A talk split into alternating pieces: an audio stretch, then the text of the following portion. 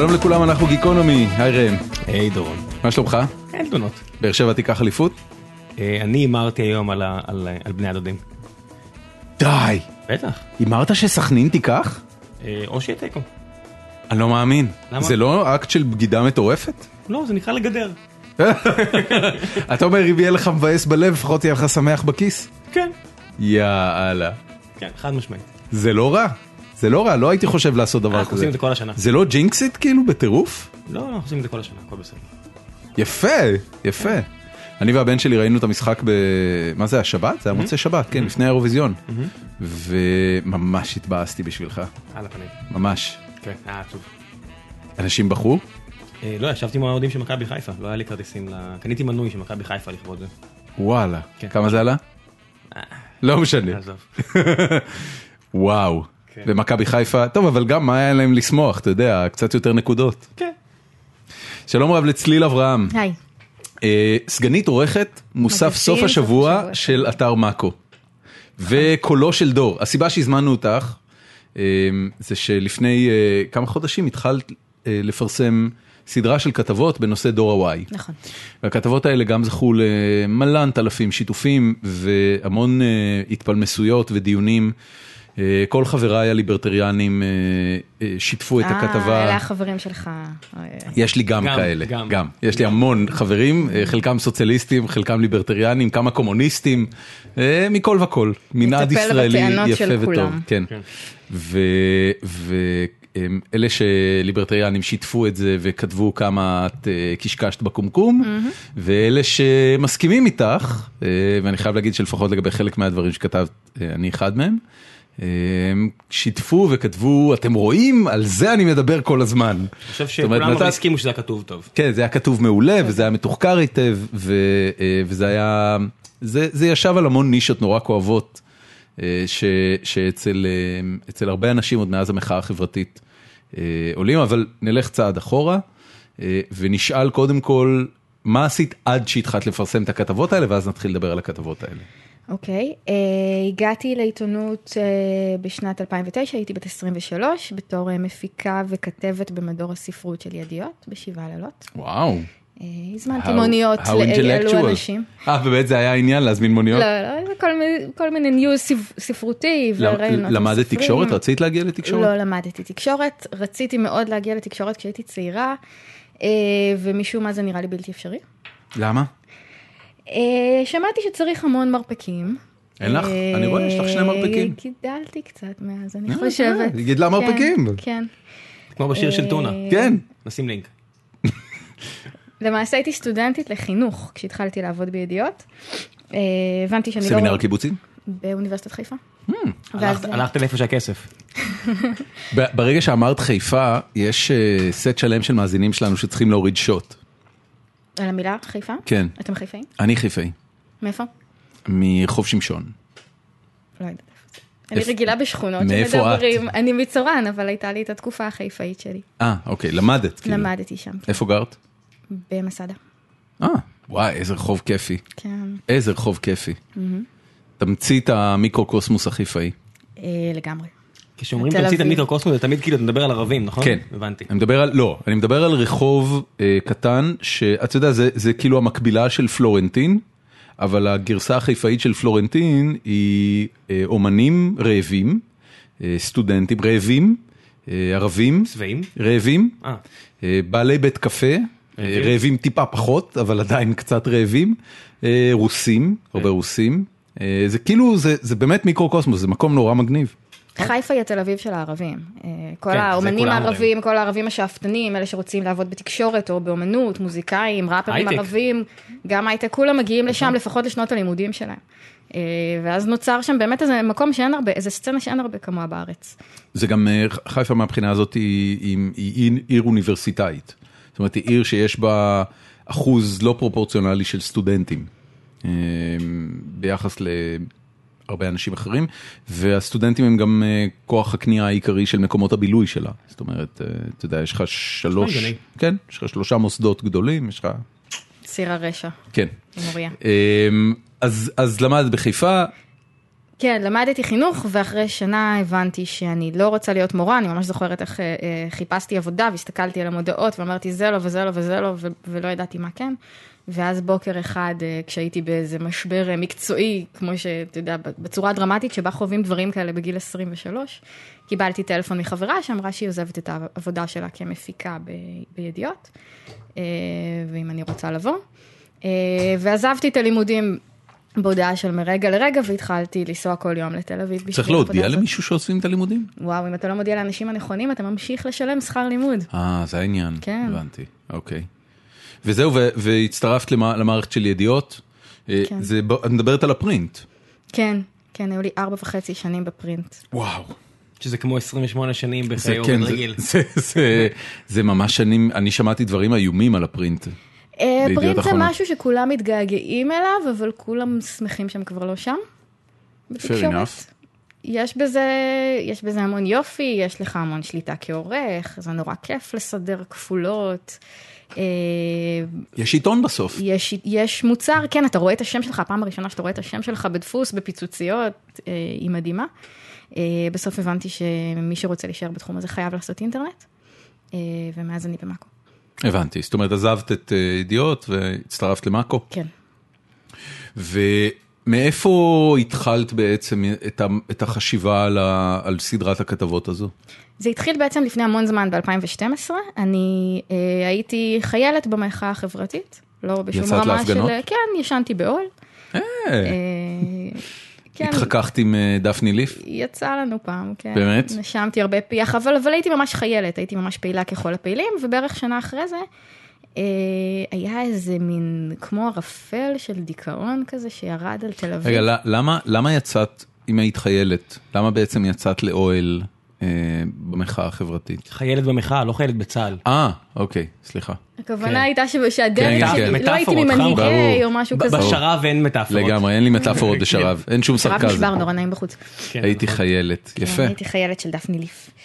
אה, בערך שנה אחרי זה התחיל להתהוות איזה, בתחושה שלי לפחות, איזה ייאוש נורא גדול אה, אצל אנשים צעירים, והיה איזה רגע שקראתי אה, בגרדיאן ידיעה ממש קצרה על דבר שנקרא quarter life crisis, ובאותו רגע הרגשתי שכל מה שאני רואה מסביבי על חברים שלי ועל אנשים שאני מכירה, הכל פשוט נופל למקום כמו קוביות של טטריס. שהם- שהם עוברים אה, משבר רבע החיים? כן, הם עוברים משבר אמצע החיים, ברבע החיים, בגיל 25, 30, 32, אה, שהם מגיעים לאיזה מצב שבו הם נניח גמרו לימודים או התחילו עבודה ראשונה, ודברים לא קורים כמו שהם רצו, והם מסתכלים ואומרים, זה הכל, אלה החיים, אלה שנות ה-20 שלי, אני רק הולך לעבודה ולפעמים לא מספיק אפילו להגיע לסלון. למה, את בחדר חושב, השינה? למה, למה את ציפית משנות ה-20 שלך? וואו, למה לא?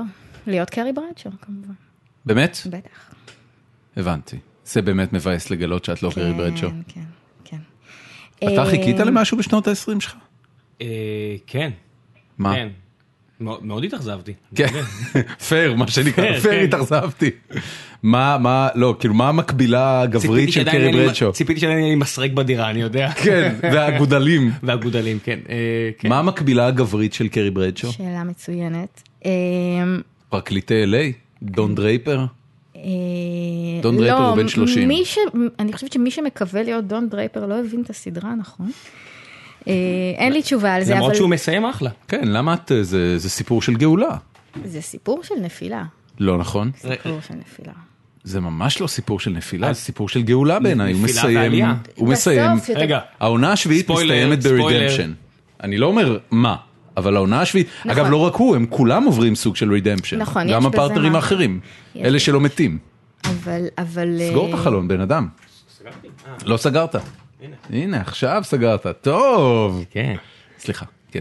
יש בזה משהו שהסיומוסים של גאולה, אני, אני חושבת שהוא הוא, הוא פשוט הסיפור האמריקאי במובן של זה של בן אדם ששוכח מי הוא והולך, אה, עושה איזה מסע של להמציא את הזהות שלו מחדש במקום אחר ולהיות מישהו אחר עם כל ה... הנפ... הרוב, הרוב העונות של הסדרה, בערך מעונה שלוש עד עונה שבע, הוא עובר איזה נפילה מונומנטלית. אוקיי. בסוף נגמר. כן, זה. האנימציה הפתיחה של מישהו נופל הרי. וזה- אבל כן, אני לא יודע, אני חוויתי תמיד את... אה, את מדמן בתור סדרה אופטימית. זה עניין של גיל, כי אתה שואל, שואל למה ציפיתי? אני חושב שגם מהכתבות שלה עולה תמיד שיש תמיד את הפער העצום הזה בין ציפיות למציאות ו... וכן, אתה יודע, אתה בגיל כבר שאתה כבר מכיר, אתה יודע. את זיהית את ה... זאת אומרת, מישהו פתאום אמר לך את הדבר הזה, mid life, quarter life crisis, ומה עשית עם זה? בוא נתעכב שנייה על החלק של הציפיות, כי באמת, להגיד קרי ברדשו זה קצת קריקטורי. אני לא חושב שאפילו קרי ברדשו היה לה כזה כיף. וגם וגם באותו זמן היה לאורך כל השנים שהסדרה שודרה היה דיבור על זה שזאת פנטזיה לא ריאלית אפילו אז אפילו בתקופה שלפני 2008 הרמת חיים שלה הייתה לא הגיונית. אבל אני ובני דורי גדלנו בתקופה שבסך הכל הייתה בצמיחה כלכלית בשנות ה-80, 90.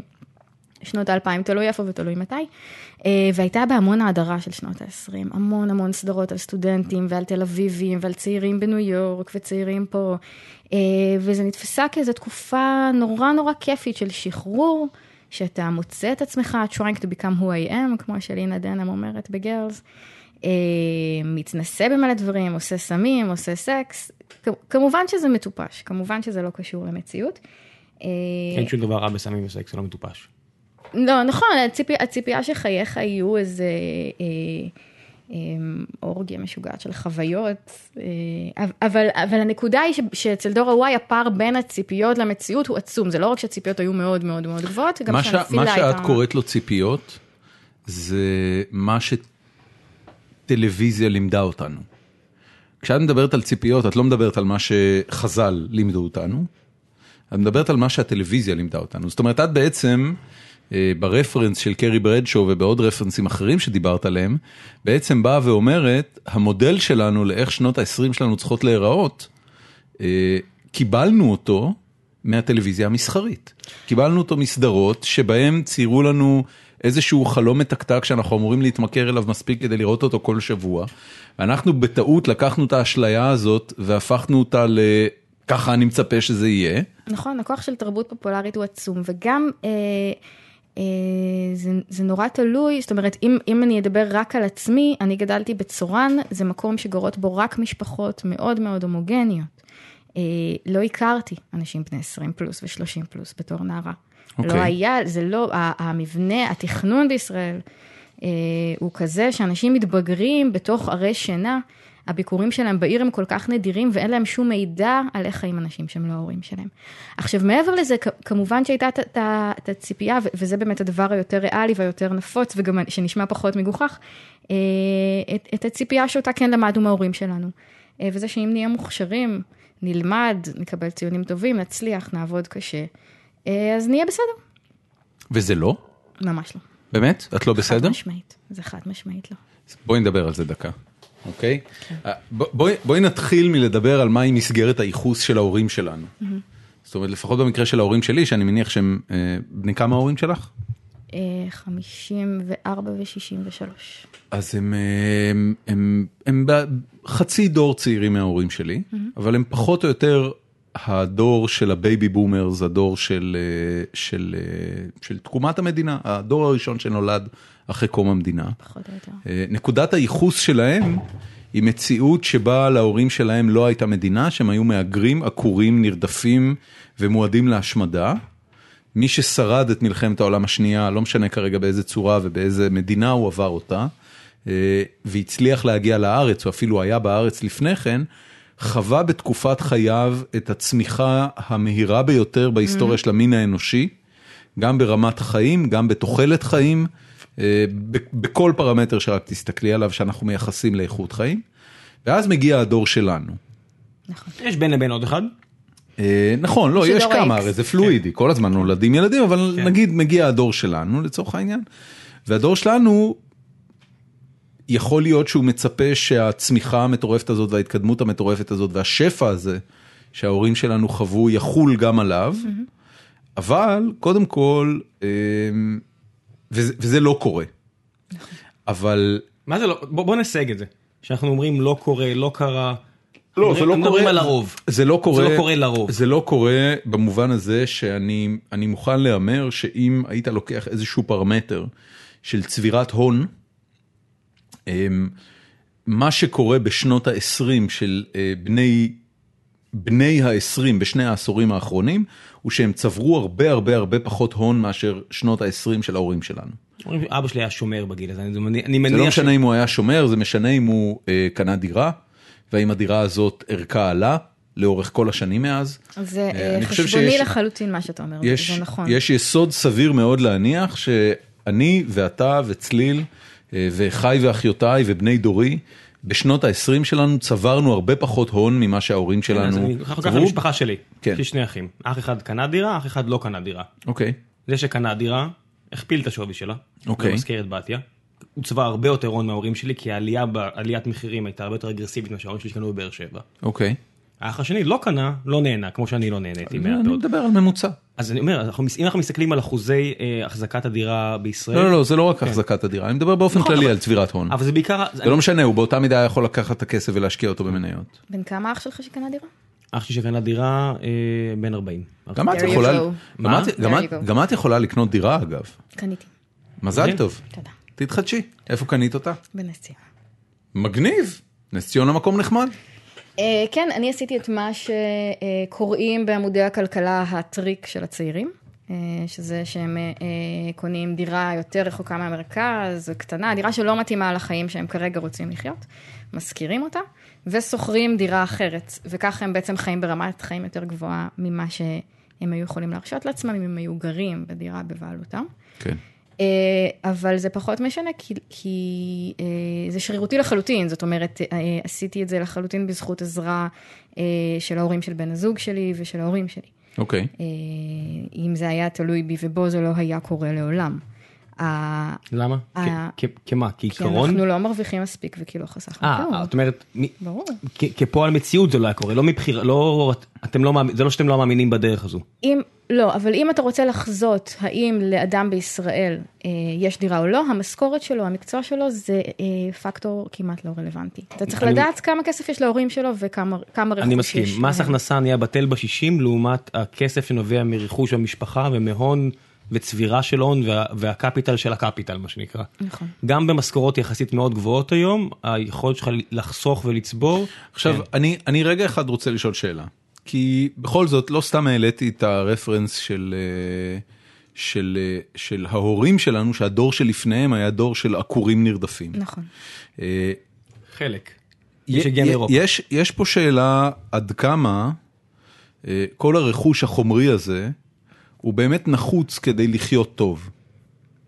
אה, אז זה נכון בהרבה מאוד מובנים שלהורים שלי יש אולי טיפה יותר ראש שקט, הם יכולים לבל- לבלות את הפנסיה שלהם יחסית קצת יותר בשקט, אה, ויכול להיות שעבור אה, בני הדור שלנו זה לא יקרה, אבל אם את צריכה רגע לנתח את התהליך שעברו הדור שלהם, שלצורך העניין בנה את המדינה פה, או לפחות ייצר את רוב הצמיחה בשנות ה-60 וה-70 וה-80 וה-90 של המדינה הזאת, אז האנשים שהיום נולדים למדינה, נולדים למדינה שאיכות החיים בה ורמת החינוך בה ושירותי הבריאות בה אה, והאפשרויות שיש להם לצרוך תרבות ולטייל בעולם וכל מה שאת רוצה, הן פי כמה יותר טובות ממה שהיה אז. נכון, זה מאוד מאוד מאוד מבלבל. אה, האם צריך רכוש או מטרות כדי להיות מאושר או מרוצה מחייך? כנראה סולידית שלא. תגיד לך שלא? כנראה שלא, יכול להיות שאם גדלת בתרבות אה, שפע וצריכה כל כך פראית ברגע הזינוק שלה, כמו שאנחנו גדלנו בה, אז יהיה לך קצת יותר קשה, אבל זו הסתגלות. אה, בני אדם הם אנשים סתגלנים, וזה לגמרי יכול לעבוד. לחיות בידיעה שלא תהיה לך פנסיה, ושתהיה קשיש עני, זו אימה נוראית, ואנשים מדחיקים את זה כמו שמדחיקים את המוות. זה קשה מאוד. ואנחנו רואים התמודדות עצומה של דור שלם עם דיכאון, עם חרדה ועם הדחקה. פשוט לא חושבים על מי- העתיד, מי כי זה קבע שלא מפחיד תהיה לך מדי. פנסיה? זה אה, חישובים אה, חשבונים יחסית פשוטים. לא מזמן עשיתי, אה, העלו בכלכליסט איזשהו כלי כזה שמאפשר לחשב את זה, וחשכו עיניי כשראיתי את זה. אני כמובן חוסכת? לפנסיה, אבל ראיתי שהמספרים אה, אה, לא נעימים בכלל, ו... ו לא, לא, רגע, בואי... רגע, אני- רגע, ת- ת- ת- את מדברת ביחס למשכורת הנוכחית שלך, אה, אני מניח, זה הכל נורא ספקולטיבי. בדיוק, זה אם היא תישאר באותו משכורת, כמה יהיה לה, כמה יופרש לה כל חודש. בוא נ- בוא נשים את הכל על אותו מגרש. זה הכל נורא ספקולטיבי, אבל לפי חישוב של שאול אמסטרדם מזכירה למשל, אה, גם אם אתה אה, בתנאים האופטימליים מהבחינה הזאת, אתה מרוויח שכר ממוצע ומעלה, מפריש כל חודש ותשואה וזה וזה, המקסימום שאתה יכול להגיע אליו זה, זה משהו כמו, אני חושבת, המספר שם היה משהו כמו 4,000 שקל בחודש לפי החישוב שלו. זאת אומרת, יש משהו ב, ב, אה, באיך שהפנסיות עובדות היום, אה, שהמודל פשוט לא עובד.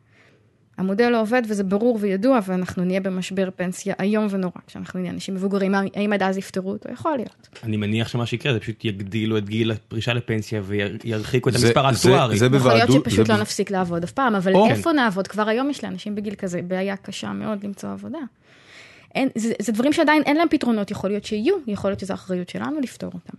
אבל המצב שבו אה, אנשים אה, בגיל של ההורים שלנו, באמת היו להם חיים קשים ובאמת עבדו קשה, אבל הם ידעו שאם הם יצליחו והם יקבלו איזושהי, לא, הם לא ידעו את זה. איזושהי משרה טובה, הם, הם גילו את זה בדיעבד, אבל בוודאי שהם לא ידעו את זה. כשיש לך פנסיה תקציבית או קביעות, את- אתה חי באיזושהי נחת. המושג פנסיה, פנסיה תקציבית לא היה... אה, אני לא, אני לא יודע אם אנחנו לא מסוגלים בכלל לנהל את השיחה מתוך תודעה של מישהו שגדל בארץ בשנות החמישים, אה, או למשל ההורים שלי, שאבא שלי אה, סיים את התיכון שלו בגיל 60, בשנת 65, אה, אבל תחשבי לא על מדינה בת 68, שכל אויבותיה מתמוטטות סביבה, אלא תחשבי על מדינה לפני מלחמת ששת הימים, אוקיי? הת- התודעה שלך בתור אזרחית צעירה במדינה ש... של לפני ששת הימים, זה שיש סיכוי בכלל לא מבוטל שהמדינה הזאת לא תהיה קיימת בעוד שני עשורים.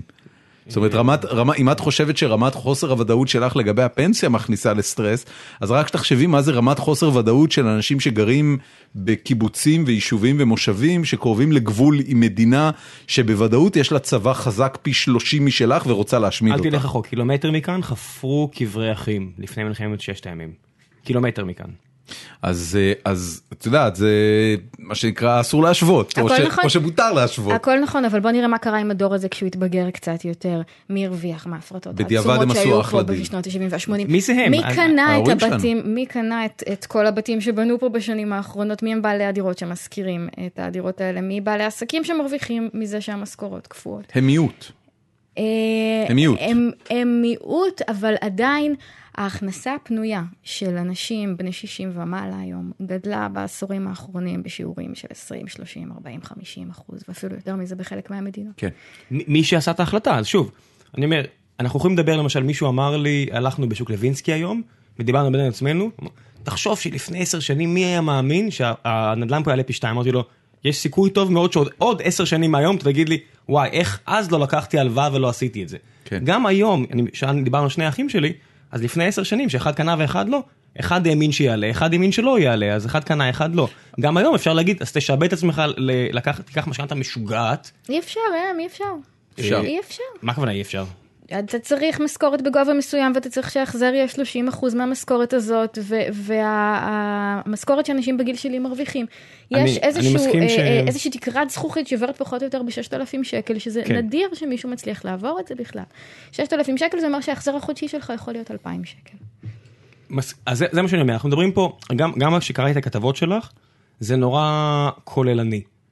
כי כשאומרים למשל זוגות צעירים, אז לא מדברים, מדברים על זוגות צעירים. צעירים זה מילה מכובסת, כמו שאומרים יודע, שיש לך אה, פיגוע טרור ואומרים צעירים עשו ככה וככה, ששם צעירים זה מילה אחרת לערבים, אז בכתבות כמו שאת עשית, או בשיח כמו שלנו, צעירים זה אנשים ש, שמרוויחים את הממוצע או את החציוני או את האזור הזה, באותו מידה בן אדם בן 45, בן 50 שמרוויח את השכר הזה נדפק באותו מידה.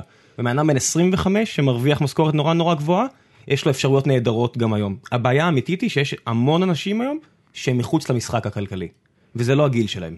זה נכון, ועדיין בני אותו דור מבוגר שאנחנו מדברים עליו יכלו להקים משפחות, לקנות בתים ולפרנס את ילדיהם מעבודות כמו אחות, למשל, או נהג מונית, או עובד בניין, איפה? ואפילו לא עובד בתל אביב, ניקיון. באופן יחסי לא בתל אביב. אני חושבת שגם במרכז. אני נוטה, את יודעת, אני אז גדלתי בבאר שבע, אני, כמו שדורון מקשקש פה הרבה על חיפה, אז אני מקשקש הרבה על באר שבע. אני, אני מניח שאנשים שהיו באזור ההורים שלי בתחילת שנות ה-70 בבאר שבע, הם לא יכלו להרשות, הם בקושי קנו דירה בבאר שבע. אני מניח שהם לא היו יכולים לקנות דירה במרכז הארץ. לפני שהתחיל משבר הדיור, אחוז הבעלות על דירות בישראל, אנשים שגרים בדירה אה, בבעלותם היה 70 אחוז. הוא הוא עדיין באזור ה-70, בקרב צעירים הוא ירד למה- ל-30. למה בעלות על דירה הוא פקטור לאושר? אה, תחשבי, אנשים, אנשים שחיים כן. בניו יורק, איזה אחוז מהאנשים שחיים בניו יורק, שנסכים בוודאי שהיא אחת הערים הנפלאות בעולם לחיות בהם, איזה אחוז מהאנשים שגרים בניו יורק חיים בדירה בבעלותם? בניו יורק יש למשל פרויקטים מאוד יפים של דיור ציבורי. הכל בסדר. אה, אה, אתה נוגע פה בשאלה מאוד בסיסית בתרבות הישראלית ואפילו היהודית. אוקיי. אחד הדברים שאנחנו רואים בשנים האחרונות עם העלייה המטורפת של מחירי הדירות, זה שהמשפחות הישראליות איכשהו מותחות את ידיהן ורגליהן, מוציאות את הקרנות ומוציאות את החסכונות, ועושות הכל כדי לקנות לילדים אז, דירה. אז קודם כל, מה, מה שאת מדברת עליו הוא עיוות שוק. זאת אומרת, אה, גם, קודם כל אמר- אמרת קודם גם ישראלית וגם יהודית, היהודית הוא ממש לא נכון. באופן מסורתי יהודים לא היו אילי נדל"ן, הם כן היו אילי יהלומים. חרדה יהודית. אה, הנוירוזה או, היהודית. עכשיו, מה, שאת- מה שאת בעצם מדברת עליו זה שאחד התוצרים של אה, אה, תהליך התקומה ושל אה, עם חוזר לארצו ושל גאולת אדמה והמון ערכים שהטיפו לנו לאורך הרבה מאוד עשרות שנים, הוא שבעלות על נדל"ן היא אחד מהדברים שגורמים להרגיש לי, שגורמים לישראלים להרגיש טוב עם עצמם. סבבה. לא רק לישראלים, אני, אגב, זה אני, היה... אני מבחירה, אגב, לא קניתי דירה עד היום. אה, אני לא, אני לא, אני לא מבין, קודם כל ברמת התשואה, זאת אומרת, אני מסתכל על דירה בצורה מאוד פשוטה. דירה זה משהו שאתה פעם אחת צריך לגור בו, ואז זה לא משנה אם הדירה היא בבעלותך או בבעלות מישהו אחר, כי אתה צריך לשלם שכירות, או לעצמך או למישהו אחר. פעם שנייה, בתור נכס להשקעה. ומבחינת נכס להשקעה, יש המון אפיקים הרבה יותר מניבים להשקעה שאני רואה, אה, בעיקר בורסה ומניות וחברות, את יודעת, היית משקיעה בגוגל, מצבך היה פי כמה יותר טוב, אה, וגוגל לא נעלמת מחר בבוקר, אנחנו כבר יודעים את זה. אז מהבחינה הזאת, נדל"ן הוא באמת לא השקעה נבונה, וכיוון שכך, למה לעזאזל לקנות דירה? יש לך כסף, שימי אותו על מניות של גוגל. נכון, אה, אני חושבת שמעבר לזה שזה תרבות, זו גם מדיניות ממשלתית שהייתה פה אה, במשך הרבה שנים. הדירות האלה שההורים שלנו קנו והם מאוד גאים בעצמם שהם קנו אותם, הרבה פעמים זה היה בעזרה של משכנתאות ממשלתיות, זה משהו שהם שוכחים לספר.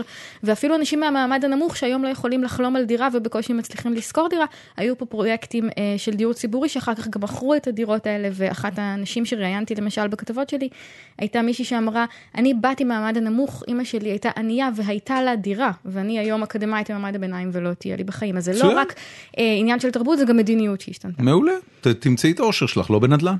אה, אני לא יודעת אם השאלה היא אושר, אני חושבת שזה איזשהו חיפוש אחר ביטחון. אה, בעיקר במקום שבו גם אין אה, הגנה על שוכרים שהיא... אין, אין, אין שום הגנה על שוכרים בעצם, בניגוד להרבה מדינות ההגנה אחרות שבהן הטובה יש המון ביותר על שוכרי דירות. שוכרים זה היצע. אה, אבל, אה, אבל אבל יכול להיות. שזה מה שיקרה. עכשיו לגבי היצע, אה, רק היום ראינו בנתונים של מרכז טאוב שפורסמו. מחירי השכירות עלו. אה, נכון, אבל אה, אולי אתם זוכרים שכשהתחיל משבר הדיור, אז היה אה, אחד, אחת הסיבות שדיברו עליהן כל הזמן, זה שיש מחסור בדירות, לא היו מספיק התחלות בנייה, כן. הת- התוכנית מתאר הארצית לא התאימה לצרכים של השוק וכדומה. אה, מאז בנו המון המון המון המון דירות, ועדיין אחוז הבעלות אה, של צעירים על דירות ירד, כי מי קנה את הדירות האלה? אותם אנשים מבוגרים ברור. שעוד פעם הצליחו לגרד את ה-300, 400 מיליון, מיליון וחצי בקרן הזאת ובקופת גמל הזאת, וקנו בכל זאת את הדירות האלה כדי להשקיע עוד וכדי להרוויח עוד. אני, אני רוצה רגע לחזור לכתבות שלך, אה, כי אני וראם אה, אה, לא יכולים לעצור את עצמנו מלענות על מגוון הדברים שאת מעלה, אבל. האמת היא שאני, שאני רוצה לתת לך עכשיו כמה דקות פשוט להסביר מה התובנות שאת גילית כן, כשיצאת. דבר ראשון בוא נדבר על למסע מה היא הזה. כתבה, כי אולי חלק כן, מהמאזינים כן, לא קראו, אז כן. על זה אני מדבר. מאה אחוז.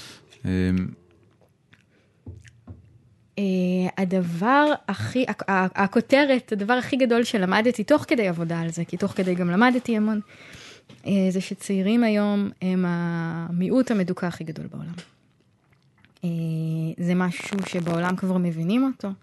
אה, בעיתונים כלכליים, באקונומיסט, אה, בגרדיאן כותבים על זה באופן מאוד ברור היום, בישראל זה עדיין בלתי מתקבל על הדעת, כי בישראל כל מי שדורש צדק חלוקתי הוא בכיין או מפונק.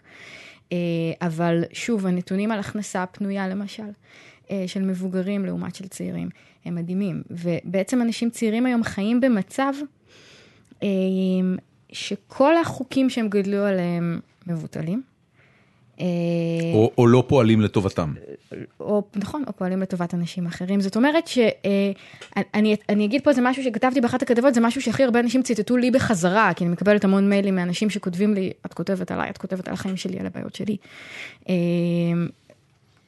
אה, המשחק הכלכלי היום בשוק התעסוקה זה שאין קשר בין מעשים לתוצאות. המנבא הכי טוב למצב הכלכלי של מישהו זה כמה כסף יש להורים שלו. אה, לא כמה הוא מוכשר, לא כמה הוא קיבל בפסיכומטרי, לא האם הוא אקדמאי, אה, לא מה המקצוע שלו ואפילו לא מה המשכורת שלו. ו... ברוב המקרים, אני מצטער שאני חייב לסייג את זה, אבל ברור שאנחנו מדברים על רוב בן המקרים. אדם, תן לה לדבר. חד לנו משמעית, כל הזמן ברוב. המקרים.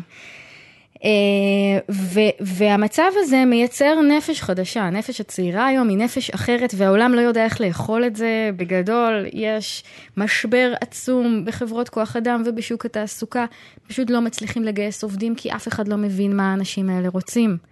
אה, כי זה סוג חדש של עובדים שלא ראו אותו בשום מקום, שהוא לא רוצה לבוא בבוקר למשרד, להחתים שעון, לעשות את העבודה שלו, להגיד תודה לבוס שהוא משלם לו משכורת וללכת הביתה, ויש לזה המון המון סיבות.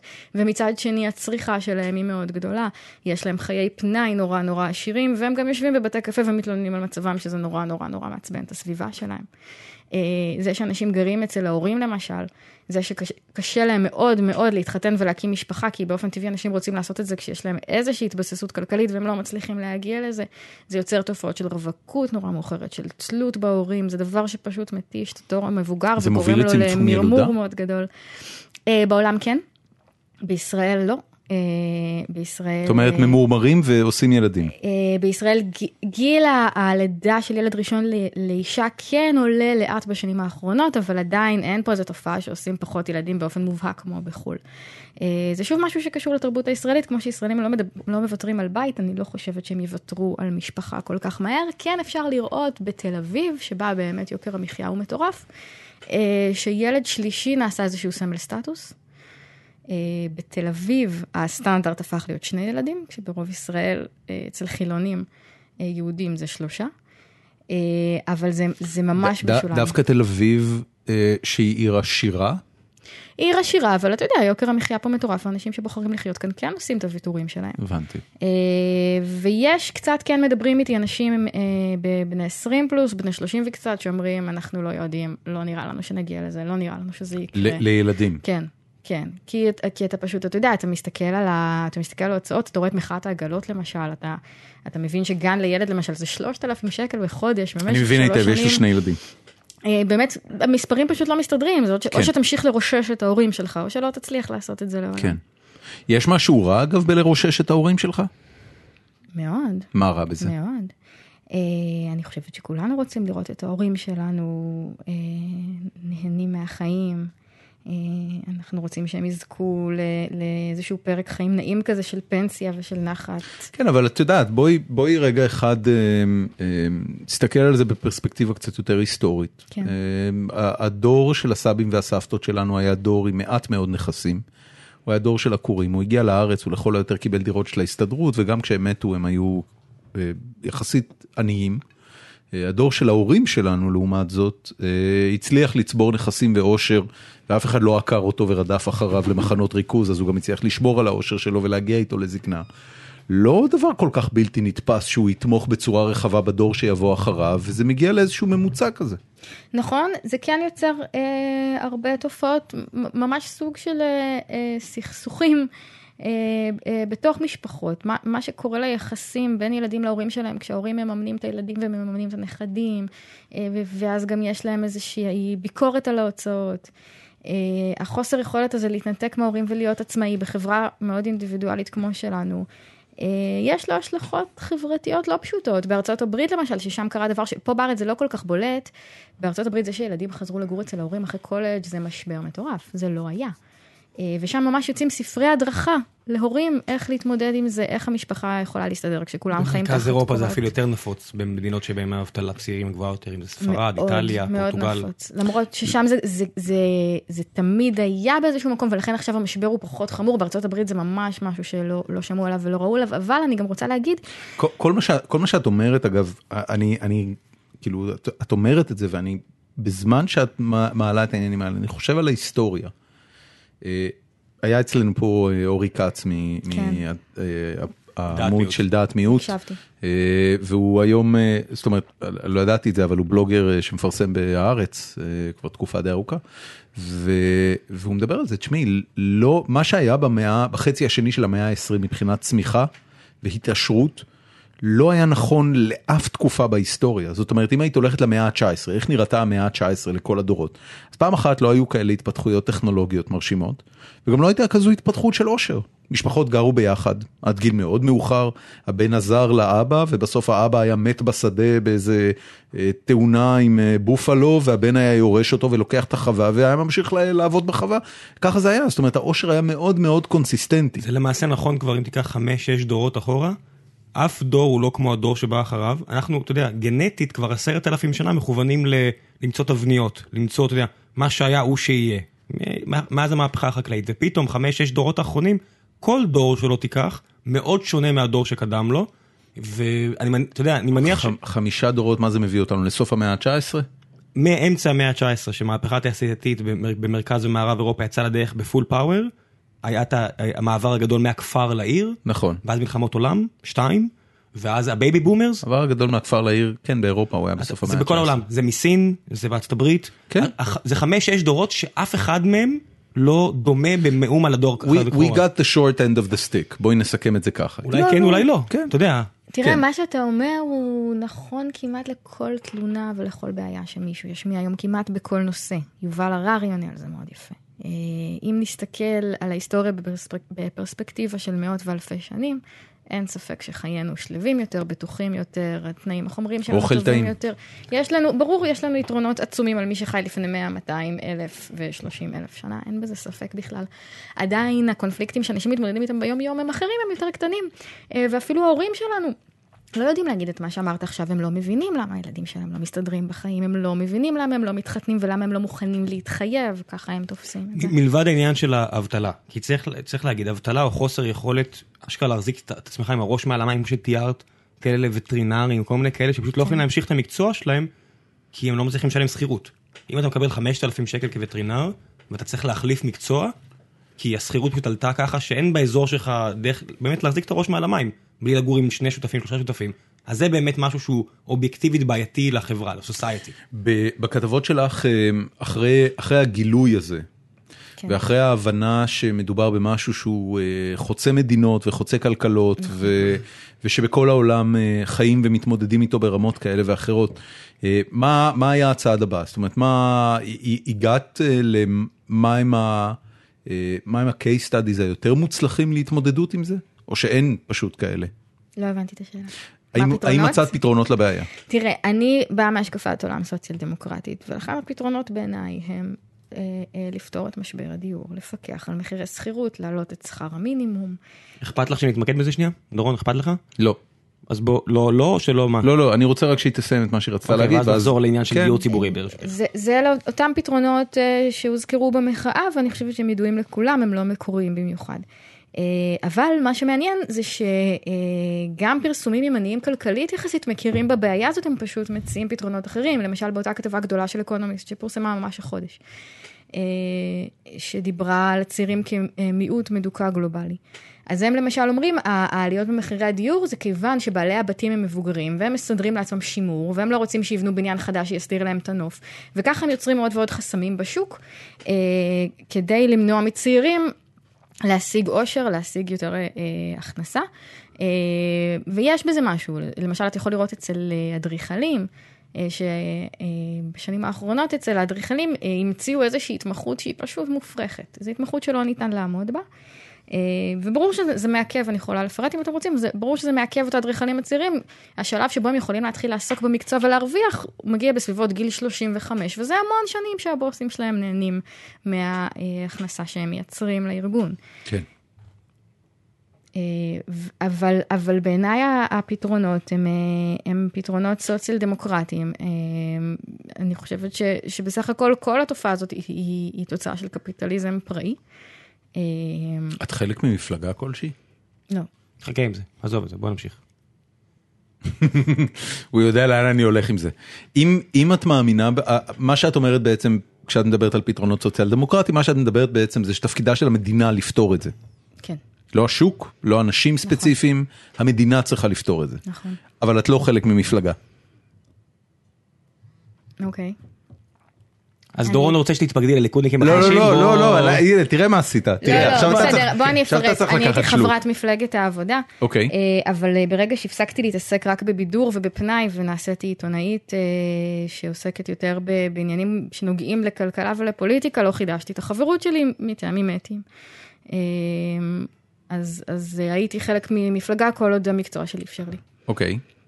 אז עשית בחירה מודעת לטובת הקריירה שלך לא להיות חלק ממפלגה פוליטית, אבל כשאת אמ, מדברת עם צעירים שחווים את אותם קשיים, האם, האם קיימת ההבנה שחוקי המשחק שמשפיעים על החיים שלהם נקבעים במקום שהם לא נמצאים בחדר? אני חושבת שלא כל כך. אוקיי, אז, אז למה לא ש- להתמקד בזה? הנה, את עיתונאית, את לא יכולה להיות פקודה למפלגה, אבל את כן יכולה להרים את הדגל הזה.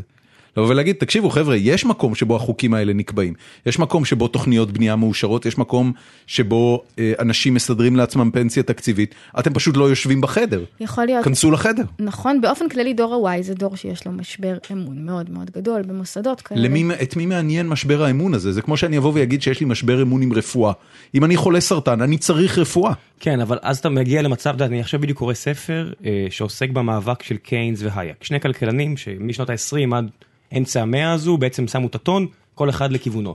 אז אתה אומר, יש כאלה שיגידו ככה ויש כאלה שיגידו ככה. לצורך העניין, ניקח את הליכוד, הליכוד הוא ממש מפלגת הייק טיפוסית, כלכלן אוסטרי, גלן בק, אה, אחד הליברטנים המפורסמים בעולם, הוא תומך הייק ידוע, סבבה, הוא נגד דיור ציבורי. זה יותר קרוב לליברלים של הליכוד. לא, אבל לא משנה. אה, לצורך העניין, הליברלים של הליכוד הם אה, מיעוט כל כך מצומצם בליכוד שכבר אי אפשר בכלל להתייחס אליו. כן, בסדר, הליברלים האחרונים נזרקו מהליכוד בפריימריז האחרון, אבל לא משנה, לא העניין. נניח ואתה יודע. סבבה, הכל אה, בסדר. אני אומר, אין לאף אחד אפילו פתרון, אתה יודע, אתה אומר פנסיה תקציבית, הפנסיה תקציבית ברור שזה רעה חולה. עכשיו אתה אומר, יש שתי אפשרויות, או שאני מסדר לעצמי את הרעה החולה הזאת ואז שישרף העולם, או שאני מבין שזה צריך לבטל אותה. שחייב לבטל אותה. ואז מה אני עושה? האם אני נל- נלחם כדי לבטל אותה ומבין שהדור שלי, או אני, או אנשים סביבי, צריכים להוריד את הציפיות כי דור אחד חייב פה לסבול את זה, או שאני הולך להשיג לעצמי גם. מה זה הפואנטה? אז זה הבחירה האמיתית. בעצם הנטייה של ללכת, אבל אבל אני מדבר על משהו הרבה יותר בסיסי. לא, אז מזה. תראה, קודם כל מה שאתה אומר זה, אה, זה למה כתבת על דבר אחד, למה לא כתבת על דבר לא, אחר. לא, לא, אני, אני שואל לגבי פתרונות, ואת, את יודעת, הרי בסופו של דבר את הבעיות, אני מניח שרובנו מכירים, גם רוב מי שמאזין לנו, שהוא פחות או יותר בגיל הרלוונטי, יקשיב לנו, וקרא את הכתבות שלך, וכמובן נפרסם לינקים לכולן, אבל ההבנה שהבעיות שאת מתארת הן בעיות מאוד מהותיות שמכבידות על האושר, באלף, כן. של הדורות, אה, של הדור שלנו, לצורך העניין אני אשים את עצמי בדור שלך, אה, היא הכרה רחבה וגורפת. אה, עכשיו גם כל המדינה כבר יודעת, כי הייתה מחאה חברתית, 400 אלף איש יצאו לרחוב, משבר הדיור הפך להיות גורם מאוד דומיננטי במערכת הבחירות האחרונה. אה, יש הכרה גורפת. עכשיו צריך להתחיל לדבר על הפתרונות. כן. ומה שאת בעצם אומרת לי זה שהפתרונות בעינייך עוברים דרך מעורבות ממשלה, אבל הקריאה לכל הדור הזה להשתלט על מערכות השלטון במדינת ישראל לא פרצה. ומה הם יעשו? מתוך אף אחד שמסקר את המערכת הזאת. תראה, אני רוצה להרים לעצמי רגע ולחזור איתך שלושה ארבעה חודשים אחורה. אחת הסיבות שבחרתי לכתוב על הנושא הזה הייתה שהרגשתי שאני מסתכלת על המציאות סביבי, שאני רואה פער דורי שגורם המון המון סבל לצעירים וגם למבוגרים, ושאין לאנשים מילים לתאר אותו, שהם לא מבינים שמה שהם חווים זה פער דורי. אה, ורציתי לתאר את זה, ובתור עיתונאית, אני לא כותבת כלכלית ולא כותבת פוליטית, אני, מה, מה שאני הרבה פעמים מנסה לעשות, זה להצליח לתפוס איזשהו צייטגייסט. זה משהו שהוא על גבול הטרנדים והתרבות ו- ואיזשהו אורח חשיבה כאילו שהוא הוא, הוא משתנה נורא מהר. כן. אמ, אז, אז קודם כל המטרה הייתה אמ, לתאר את הבעיות, ו, וזה נשמע אולי נורא קל, אבל באמת שיש פה אוכלוסייה עצומה של אנשים שאין להם מילים למה שהם חווים, אה, ואני מקבלת מהם המון המון המון הודעות, עשרות ומאות אחרי, אחרי כל טור, אה, על זה שהם קראו את זה והם הרגישו שפתאום מישהו כותב עליהם, והם הרגישו שפתאום מישהו מבין אותם. אה, שזה הסיפור שלהם, וזה דבר שיש לו חשיבות בעיניי, זאת אומרת באיזשהו מקום הכתבות האלה עוסקות ברגשות. לגבי לרתום אנשים לפעולה פוליטית, אני לא כל כך טובה בזה. הייתה לי תקופה כפעילה פוליטית, לא הצטיינתי בזה. יש אנשים שעושים את זה טוב ממני. מי? ו- אמ, מי, מי הוא הקול הפוליטי של הדור הדפוק הזה שאת מדברת עליו? אין לי תשובה לזה. אה, אנחנו לא מכירים, אני, אני, אני מפנה את השאלה הזאת, אבל אני... אני מניח שסתיו שפיר היא סוג של סתיו קול פוליטי שפיר היא הכי שהגיע קרוב מהמחאה. לזה, כן, אבל, אבל, אבל בואו נזכר ב, ב, באיזה שנה ובאיזה חודש אנחנו נמצאים, זאת אומרת, אנחנו שנה אחרי בחירות, שבהן באופן מובהק הציבור אה, העדיף לא לבחור לפי מדיניות כלכלית ודחה את המדיניות הכלכלית שתפתור את הבעיות שלו. אה, אז זה קצת לחזור בפעם השלישית מי, והרביעית על מי אותו דבר. הציע לדור הזה מדיניות כלכלית שתעזור לבעיות שלו להיפתר? בעיניי, אה, כדי לפתור את משבר הדיור למשל, שזה חלק גדול מהבעיות האלה. כחלון קיבל עשרה מנדטים. או את בעיות התעסוקה. אני, חושבת אתה הבנת מה בתפיסה כחלון מנסה שלי, לעשות? אה, הדבר הכי טוב שאפשר לעשות כדי לפתור את זה, זה, זה להצביע לשמאל, אבל, אבל היו מאבקים כל כך עזים על זה, ומחאות כל כך גדולות, וקריאות כל כך חזקות, וזה לא הצליח. וכנראה, ואני לא מהאנשים שחושבים, את, את אומרת פה משהו שהוא, את יודעת, לשמאל יש פתרונות שהוא מדמיין שיכולים לפתור את בעיות שוק הדיור בישראל. לימין אה, יש בעיות שהוא מדמיין שיכולות לפתור את בעיות השוק, את בעיות שוק הדיור בישראל. אה, ויש אה, אה, טקסטים שיצאו מתוך משרד האוצר ומתוך עוד כל מיני מקומות. מי, מי היה, מה היה שמו של מנכ"ל משרד האוצר שהוציא את המסמך על למה תוכנית מע"מ אפס של לפיד היא קשקוש? לא, אני- אתה זוכר את שמו? לא, אני תכף אבדוק. סליחה, אני פשוט לא זוכר. הבחירה בסופו של דבר הובילה לזה שהאנשים שנופפו בדגל הזה ואמרו שהם יבואו לפתור את זה, כן קיבלו מנדט. אתה מדבר על יאיר לפיד. לא? מיכאל שראל. מיכאל שראל. אה, מי שקיבל את המנדט יותר מכל אחד אחר שאני יכול לסמן במערכת הפוליטית היה כחלון. אבל זאת אתה- אומרת, כ- כחלון בא ואמר, אני ימין מדיני ושמאל כלכלי. השטיק הזה או, שהוא... או חברתי כלכלי. והוא עשה משהו בנידון? תראה, אני, המחירים אני, עלו בצורה יותר אני- קיצונית מאשר לפני כן. אני יכול, אפשר, אפשר לנהל שיחה, אני, אני חושב ש... אנחנו עושים את זה. מה, ש, מה שכחלון אה, עשה, ואני לא, לא מחסידיו וגם לא הצבעתי לו, אבל, אבל אני יכול להגיד, אחד הדברים הראשונים זה שהוא לא קשקש מה הוא עשה? מחיר יותר מטרה? מדי, רגע, רגע, הוא לא קשקש יותר מדי, אה, הוא עובד מאוד קשה כדי לייצר כמה שיותר התחלות בנייה, והוא לא עשה מספיק. אבל עובדתית המחירים עלו. אה, המחירים עלו אבסולוטית בסופו של דבר, אני לא חושב שהוא באמת יכל אני אני אגיד לעצור לך את זה בשנה. בוא בוא נדבר שנייה מספרית. אחוז אה, בעלי הדירות בארץ, כלל האוכלוסייה, הוא כמו שאמורים להיות לפי ספרי הכלכלה, מתקרב ל-70 אחוז. כן, הוא ירד הוא ירד נגיד בשנים ל-68, האחרונות, 69. כן. עכשיו אתה אומר, אם 68 אחוזים מהאנשים בארץ הם בעלי דירות, איזה בעיה אתה מנסה לפתור? את הבעיה של ה-30 אחוז הנותרים, שאני למשל נמנע עמם? כן. זה המטרה של הממשלה, לטפל ב-30 אחוז? אני אומר, אני מסתכל, אם רוב המצביעים נגיד לא. של כחלון הם בעלי דירות והם לא רוצים שמחירי הנדל"ן ירדו, האם כחלון אמור לרצות אותם? לא, או לא, את לא, הצעירים? לא, לא, לא, לא, לא, לא, לא, רגע, רגע. מי שקנה דירה רוצה רגע, שהמחירים ירדו או לא? רגע, רגע, רגע, רגע. האופן שבו הצפת את הבעיה הוא לא, הוא לא אה, מהימן, כי, כי אם רק ל-30% יש בעיה לקנות דירה, פחות. אה, אז, אז אין בעיה.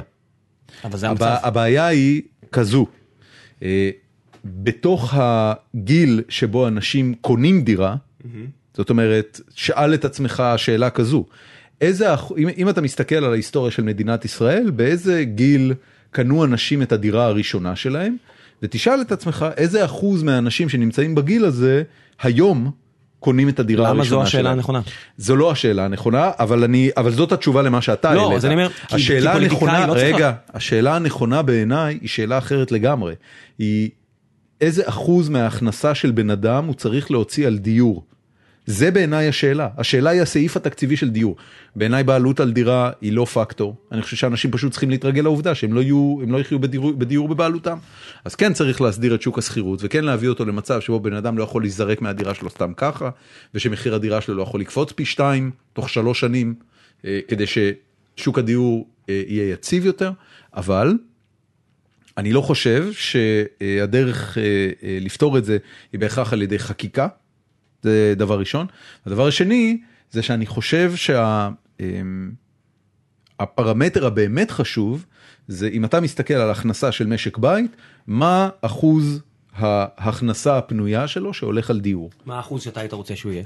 תראה, אני יכול להגיד לך שבארצות הברית אה, יש מספר אצבע לעניין הזה. את האמריקאים מגיל מאוד צעיר מלמדים אה, כלכלת בית, מה שנקרא, גם בארץ לימדו פעם כלכלת בית. 30 אחוז. דרך אגב, המספר, ש... פחות. המספר שמכוונים one, עליו... one week pay. אם אתה משלם one week pay על, אה, על מגורים, זאת אומרת אה, שכר עבודה של שבוע אחד מתוך חודש הולך לשלם, אה, זה, זה המספר אצבע שמלמדים סטודנטים אמריקאים, תלמידים אמריקאים מגיל מאוד מאוד צעיר. עכשיו, בארץ אני חושב שיש לא, קודם כל להרבה מאוד אנשים זה מגיע ל-2 week pay, ויש יש משפחות שזה מגיע אפילו ליותר מזה.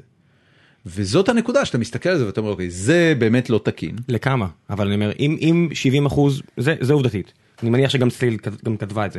העניין של ה-70 אחוז עם הישראלים הם אה, בעלי דירות? 68, אבל אני 68, רוצה לענות על זה רגע, כן. ממש חשוב לי להגיד, זה ש-68% הם בעלי דירות, זה לא תוצאה של שוק קפיטליסטי מת- מתפקד, זה שרידים של אה, מדיניות רווחה ומדיניות כלכלית הרבה יותר סוציאליסטית, זה בגלל שהיו משכנתאות בתמיכה ממשלתית ובגלל שהיו פרויקטים של למכור דיור ציבורי גם... אבל זה יצר בעיות. אז, אז הנה עולה השאלה ששאלתי אותך. למה זה, לפני כן. רגע למה זה יצר בעיות? למה יצר בעיות? כי זה יצר עיוותי שוק. אם, את, אם אתה בעצם... א- איך, איך העובדה שבשנות ה-50, 60, 70, 80 אה, שיכון ובינוי חברה ממשלתית בנתה פה עשרות אלפי ומאות אלפי דירות בכל הארץ, כן. איך זה יצר עיוות שוק? אז העיוות שוק יהיה עכשיו, אם למשל, נגיד תביא עכשיו אה, דירות אה, לזוגות צעירים, שאתה אומר, לפי איזה קריטריון אני אביא אותם. ואם נמשיך, טוב, בוא, בוא נביא, אני אתן את- לציל לדבר, אפשר לדבר על זה אחרי זה. טוב, אני רוצה, אני רוצה להתייחס יותר בהרחבה למה שאמרת. תראה, את הבעיות האלה אפשר לפתור בעצם בשתי דרכים. זה כמו שמתייחסים אה, ליוקר המחיה, לעלייה במח, במחירי מוצרי המזון, אז אפשר לעשות את זה בדרך היותר סוציאליסטית של נניח פיקוח על מחירים. ואפשר גם לעשות את זה בדרך שבה ממשלת הליכוד עשתה את זה, להסיר אה, מכסי יבוא. אה, לאפשר תחרות ובאמת מחירים של חלק ממוצרי החלב מאוד ירדו בזמן האחרון, נכון. גבינה צהובה יותר זולה, אחלה וכיף. החקלאות הישראלית אולי משלמת את המחיר, אבל לא משנה, לא ניכנס לזה. אה, זה בסדר, גם את הפתרון הזה הימין לא הביא. נכון. אה, וזה, עוד- חושבת וזה, ש... וזה, וזה שוב מחזיר אותי לאותה נקודה, האנשים שמקבלים את ההחלטות, את יודעת, הם, הם לא בחדר, הדור הצעיר הזה לא בחדר. הם הם לא בחדר שבו מתקבלות ההחלטות. הדור הצעיר הצביע ליכוד ברובו. אני לא יודע למי הצביע הדור הצעיר. לא, סתם מתעסקי אז סטטיסטיקה. אני אומר לך, אני לא יודע. אני לא יודע מה התפלגות הגילאים בבחירות האחרונות, ואני לא יודע מי הצביע. אני לא יודע מה אחוז ההצבעה אצל צעירים. אני יודע אגב שצעירים בלי משפחות, אה, הם אה, לא באחוזי ההצבעה הגבוהים.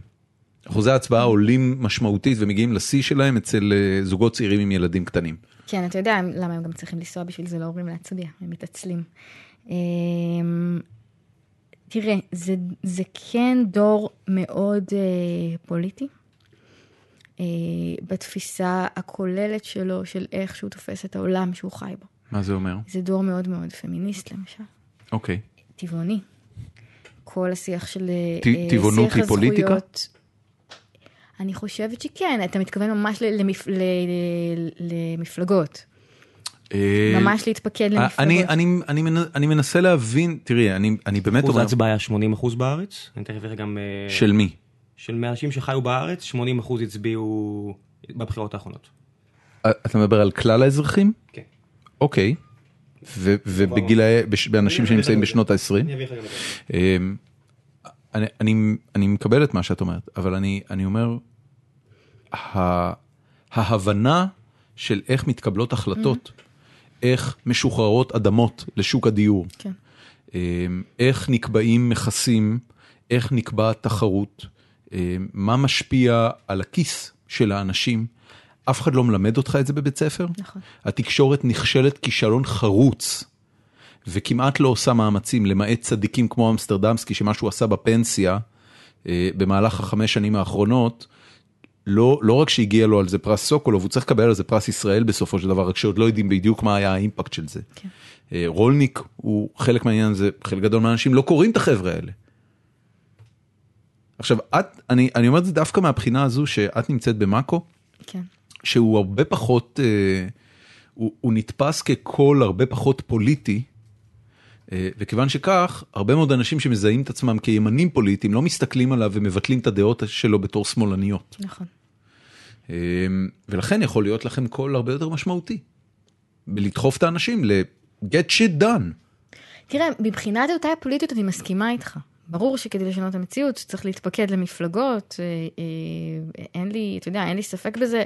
אני חושבת שגם המחאה החברתית זה לא משהו שאפשר לבטל אותו, למרות שבאמת אה, מי שרוצה לשנות, את, להחליף את השלטון בישראל עושה את זה בקלפי ולא ברחובות. אם אתה שואל אותי אה, למה זה לא קורה מספיק, למרות שכן, יש, יש חברי כנסת צעירים בכ, אה, בכנסת הזאת, אה, וכן יש, אה, אני חושבת שהמפקד של שלי יחימוביץ' למשל, היה מפקד שהיו בו המון המון צעירים, אם אני לא טועה. אה, אבל שלי יחימוביץ' איננה צעירה. היא עצמה לא, אבל כן יש, סתיו שפיר ואיציק שמולי, ויש כמה שמות, גם בליכוד יש כמה חברי כנסת מאוד צעירים כן. עכשיו. אמ, אם אתה, אם אתה שואל למה זה קורה, אני מסכימה איתך שנכון, אה, אה, זו הדרך הכי טובה לפתור, אה, לפתור בעיות. ל- למה זה לא קורה, אני יכולה להגיד גם שזה בגלל ייאוש במערכת, גם כי זה לא הגיל שבו דברים כאלה קורים. זאת אומרת, אחת מהתקוות שלי ששואלים אותי מה יקרה ומה יהיה ומה זה, זה דור מאוד מאוד גדול, והוא מתחיל להיכנס לעמדות מפתח, עוד עשר שנים, או עשרים שנה הוא יהיה בכל עמדות המפתח. אנחנו גם רואים היום שכל האנשים שנמצאים בעמדות מאוד בכירות, הם, הם בני אותו דור, הם בני, הם פחות או יותר בני 50 עד 60, זה, זה הדור ששולט ב- במדינה היום. אה, זה הגיל שבו אנשים הם בשיא הקריירה שלהם. אה, וכשזה יהיה הדור שלנו, אני מקווה שהוא ישכיל לפתור ככה את הבעיות שלו, ויהיה לו הרבה יותר קל לפתור את הבעיות שלו, לא יצטרך לבקש מהמבוגרים. זו תקווה מאוד אה, אופטימית. נכון. אני חושב שאם יש משהו שהדור אה, של ההורים שלנו לא קיבל כמובן מאליו, זה את העובדה שמישהו יעשה את העבודה בשבילו. אה, וזה אגב, את יודעת, ב- מספר המצביעים ירד, מספר הפקודים למפלגות ירד? אה, תראה, אני, אני יכול להגיד לך בוודאות שמספר המתפקדים לליכוד, או סליחה, ההתפלגות של גילאי המתפקדים לליכוד היא לא לטובת אוכלוסיות צעירות, שלא יהיה לך ספק. לא. מבחינת מספר הפקודים למפלגות הוא ירד? לא, לא, לא, הוא לא יורד. הוא לא יורד. הבנתי. אבל הוא, אבל הוא לא עולה לטובת צעירים, זה בדיוק העניין. הוא אני לא עולה אני לטובת לא צעירים. יודעת, אני לא בטוחה, אבל שזה יכול להיות. שבמפלגת ב- העבודה כן. לדעתי בעבודה היה מפקד מאוד גדול של שבמפלגת, צעירים. אני לא אני מכיר יודע את שהבית המספרים שלו. היהודי, היו הרבה צעירים שהתפקדו. יכול להיות. האוכלוסייה אגב, ה- ה- החינוך הממלכתי דתי, אה, המחנכים שלו באופן קונסיסטנטי מחנכים את הילדים להשתלט על, על אה, מסדרונות השלטון במדינה. זה לא משהו שהוא נעשה כלאחר יד, זה לא משהו שהוא מוטמע או מטוטא מתחת לשטיח, זה לא משהו, את יודעת, במערכת החינוך הממלכתית, אה, יש אה, נטייה מובהקת כבר עשרות שנים למנוע מפוליטיקה להיכנס לתוך המערכת. בעוד שבמערכת הממלכתית דתית ובמערכת החרדית פוליטיקה היא אחד מהדברים שמחנכים את הילדים אליו. ילדים יוצאים להפגנות מגיל צעיר, ילדים אה, אה, בוחרים מוסדות ומעורבים פוליטית ברמות העמוקות ביותר. נכון, וכשביטלו את הזרמים בחינוך, איזה זרמים ביטלו? את החינוך של הקיבוצים. זה מה שבוטל. החינוך הממלכתי-דתי נשאר. החינוך שהיה שמאלי וחילוני, אה, לא, בוטל. אוקיי, בוא, בוא נעבור לנושא הבא.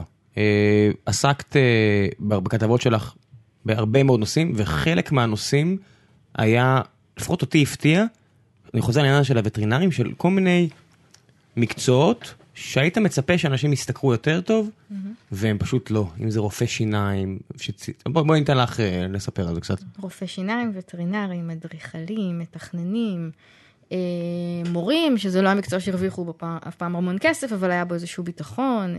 עדיין אה, יש בו אגב. אה, יש המון מורי קבלן. מטפלים איזה- מכל איזה מיני אחוז סוגים. מהמורים הם מורי קבלן? אני לא יודעת איזה אחוז, אבל זו תופעה שלא הייתה פעם כמעט, והיום יש הרבה מאוד. הבנתי. הרבה מאוד שעות לימוד. בעצם כל השעות לימוד שהן היו אה, כאילו מותרות, מוזיקה, אומנות, הדברים האלה, הפכו אותם למין אה, חוגים מחוץ למערכת. מי שמלמד את זה עובדי קבלן, ולאט לאט זה מכרסם בעוד דברים. פתאום גם מקצועות שהם יותר כאילו ליבתיים הופכים להיות אה, של מורי קבלן. כן. אה, זה באמת רשימה מאוד מאוד ארוכה של מקצועות. אה, מישהו העיר לי שכמעט כולם בתחום השירותים. אה, מה, מה זה אומר תחום השירותים? אם אתה מחלק אה, אה, למגזרים, לתעשייה, לשירותים, ו... חקלאות, בדרך כלל עושים את זה. כן, נכון. אוקיי, אה, זה החלוקה, מדינת עולם שלישית זה מדינה שהרוב הם חקלאים, אחרי זה זה מדינה שהרוב היא שירותים, אחרי זה מדינה שהרוב היא תעשייה. הפוך, הבנתי. תעשייה ושירותים הפוך. אוקיי. אה, מפותחת, לא- מתפתחת ומדינת עולם שלישית, מצטער. נכון. אז שאנשים, ש- שרוב האנשים שעובדים בתעשיית השירותים, למרות שהם היו מקצועות שהם על הנייר, היו אמורים להחזיק אותם יופי טופי, בפועל הם בקושי מחזיקים את הראש מעל המים. כאילו מקצועות של אקדמאים ו- וכאלה, למרות שזה זה באמת התחום שבו הפריון הוא מאוד נמוך. אפשר, אם אתם רוצים להגיע לזה אחר כך. אמ, ובעצם מה שקרה במקצועות האלה אה, זה תהליך של אה, מקג'וביזציה. אה, זאת אומרת, שזה אחלה מונח. אה, הוא לא שלי. אה, מקג'ובים זה עבודות שהיו מזוהות פעם עם רשתות פסט פוד. זה היה בעיה של אנשים בתחילת שנות ה-20 שלהם ושל בני נוער ושל אנשים מאוד עניים בחו"ל. שהם מצאו עבודה באיזה, במקדונלדס או באיזה משהו כזה, אבל העבודה הזאת לא הייתה עבודה כמו שאנחנו חושבים על עבודה, אה, במובן הזה שתמיד המשרה שלהם הייתה חלקית, לא התחייבו להם למספר שעות. למשל, בקדונלדס היה חוזה, אה, שהיה חוזה אפס שעות. זאת אומרת, המעסיק לא מתחייב לשום כמות של שעות עבודה, לשום היקף משרה, אבל העובד צריך להיות זמין. בעצם זה לא מאפשר לך לתכנן את החיים שלך בשום רמה, אתה לא, תהיה, אתה לא יודע מה המשכורת שלך בסוף החודש. אה, והשיטה הזאת הפכה להיות שיטה כמעט בכל מקצוע, כל מקצוע כמעט אפשר להפריט, לחתוך לחתיכות, להגיד לאנשים נשלם לכם לפי תפוקה, אם אתה רופא אז נשלם לך רק כשיש מטופל בחדר, אם אין מטופל בחדר ומטופל לא בא, לא עשית, לא עשית כסף, לא הכנסת לנו כלום, אתה לא מקבל כלום. אם אתה מורה או מרצה מן החוץ במכללה, נעשה את זה לפי שעות הוראה שהיית בכיתה, לא היית בכיתה, לא עבדת. היה טקס רבין, בוטל השיעור שלך, אתה לא מקבל כסף. אה, וכך זה, ככה זה בכל מקצוע עם המאפיינים שלו, אבל, אבל אה, באמת בהמון המון מקצועות. עכשיו, אנשים אפילו לא יודעים את זה, אה, גם, גם במובן הזה שההורים שלהם, למשל, לא מבינים למה הם לא מסתדרים, יש להם מקצוע יפה והכול, ואנשים סביבם חושבים שיש להם מלא כסף, זה נורא נכון לגבי רופאי שיניים למשל. גם הם עצמם לא יודעים את זה כשהם הולכים ללמוד, ולפעמים זה משתנה תוך כדי מסלול הלימודים שלהם. וזו, וזו הייתה המסקנה שאני זוכר שקראתי את זה והיא מתארת המון המון אנשים שעוסקים במקצועות האלה ופשוט עזבו. הלכו לעשות... מי, אה, מי גילה תוך כדי הלימודים שהמקצוע שלו ירד תראה, מי ממשכורות? שהולך, אה, מי שהולך למשל בגיל 20 ללמוד רפואת שיניים, אה, ו- והוא עובר מסלול של שש שנים, ובמהלך השש שנים האלה בקופת חולים מחליטים שרופא שיניים ירוויח שישה שקלים לבדיקה, ואם המטופל לא יגיע לבדיקה הוא לא ירוויח כלום. זה, זה משהו ש, שיכול להגיע לך קצת בהפתעה. עכשיו, אם אנחנו מדברים, אם מעמד, אפילו לא מעמד הביניים, מעמד הפועלים, הקושי שלו היה אה, להסתגל לאורח חיים מאוד מאוד קשה, מאוד מונוטוני, אתה בא בבוקר, אתה עומד במפעל ליד הפס ייצור ועושה כל היום אותו דבר וחוזר הביתה. העובדים שיש להם מקג'ובים, הם- הסיפור שלהם הוא הפוך, הם צריכים אה, אה, להסתגל לחיים שבהם אין לך שום יציבות, אה, אתה לא יודע כמה עבודה תהיה לך בחודש הבא או בשבוע הבא, ואתה חי כמו איזשהו פרילנסר או, או עצמאי, אבל, אבל אתה שכיר, ו- וגם עם ה... אתה גם אה, חלש כמו שכיר. אה, זה, זה משהו שהוא לא, לא מעמד ביניים והוא לא מעמד פועלים, הוא, הוא סוג של מעמד חדש. יש כלכלן בריטי גיא סטנדינג שכינה את זה פרקריאט, מעמד הפגיע. איך? פרקריאט. פר- פרקריאט. זה- פרקריאט? כן, זה איזשהו הלחם של מילים בצרפתית, זה לא נשמע טוב בעברית. המעמד הפגיע. אה, כן, אתה יודע, כשאתה מסתכל על הדברים האלה, ואתה מגלה הרבה מאוד בעיות, שאתה אומר, אני חושב שגם אם היית עכשיו פוקד המון אנשים ושואל אותם מה לפי דעתך צריך לעשות, אנחנו חיים בתקופה תקשיב. שכלכלנים כלכלנים בכירים הם אומרים, אני לא יודע. אין אה, שום אה, אין שום בעיה מהבעיות שאמרת עד עכשיו שהתאגדות פוליטית לא פותרת. איך אתה היית פותר למשל את הבעיה הסיפור של שכר מת- נמוך? אז אני אומר לך, הסיפור שאתה, ש, שאתם מדברים עליו פה של רופאי שיניים, אה, הוא לגמרי סיפור של חוסר יכולת להתאגד כדי לשפר את התנאים שלך. נכון, שמה? למרות שהם כן התאגדו, אבל, אבל באמת זה משהו שאני זה כן לא יכולה להגיד. שום דבר אה, אחר. זה משהו שאני כן יכולה להגיד לזכות הדור הזה, אה, שבישראל, שהוא כן מתאגד. יש אה, ממש רנסאנס של נכון. התאגדויות עובדים בישראל, ומי שעושה את זה זה אנשים צעירים. זה רק בניצנים שלו, זה ייקח עוד לפחות שני עשורים עד שהחבר'ה האלה יגיעו לתוצאות. אגב, אני, אני יכול להגיד לך, אם, אם נדבר רגע על, על אגודת העיתונאים, כן. שזה משהו שאני אני מכיר את ההתאגדות שלו קצת יותר מקרוב, וגם אירחנו את, שאלוהים יעזור לי, שכחתי. אמסטרדמסקי ושחר... אה, לא, לא, לא, לא, לא, נו, אה, מי שהוביל את... לא, את שחר פויר. את דור דרור פויר, כן. דרור פויר, סליחה. אה, דרור פויר שהיה אחד מהמובילים של התאגדות העיתונאים החדשה, וחבר בעצם להסתדרות. אה, זה, זה מעשה מרענן ש, שאין כדוגמתו ולא עשו אותו מספיק. ואם היו עושים אותו אפילו חצי ממה שעשה הדור הקודם, כל הבעיות האלה כבר היו נפתרות אתה לא חושב מזמן. שיש מקצועות שפשוט צריכים להיעלם כי הם לא. כלכליים? לא. הדור הקודם לא עשה את זה. הדור הקודם עשה את זה. קיבל את זה בירושה. הוא אה, קיבל את זה זה לא בירושה נכון. והוא ויתר על זה. הוא אה, פשוט לא העביר את זה הלאה לדורות הבאים. את יודעת משהו? אולי את צודקת. אולי את צודקת. יכול להיות שזה לא הדור הזה, אלא דור אחד לפניו. אתה לא חושב שיש שורה. שלמה של מקצועות שבגלל שאנחנו מייבאים דברים מסין, אתה יודע, יש לנו תנאים כלכל, כלכליים שלא היו לפני כן. נכון. בתנאים של ריבית אפס וכל כך הרבה כסף נכון. שזורם פנימה, רפואת שיניים זה לא אחד מהם. זה בוודאות לא אחד מהם. אני יכול להגיד לך שעבור אנשים שייצרו שעונים, או בגדים, או חקלאות, אתה בוודאות צודק, אה, או יצרני גבינות, לצורך העניין. יצרני גבינות, אם אין להם מוצר פרימיום אה, שמסוגלים למכור אותו ב-180 שקל לקילוגרם בשוק הישראלי, אז שאדרבה ילכו יחפ... יחפשו משהו אחר.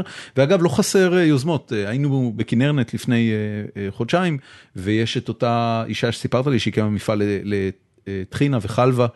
ואתה אומר אוקיי הנה מתחרה בכל אז, הגדולים. אז זה מזכיר את הטענה שהפנו כלפי, שהיא כתבה עליה, אחד צליל פה כתבה עליה כתבה, למה אתם לא הולכים להייטק. שזו השאלה, בואי ניתן לך שוב, אה, אני אעביר את המיקרופון אלייך שוב.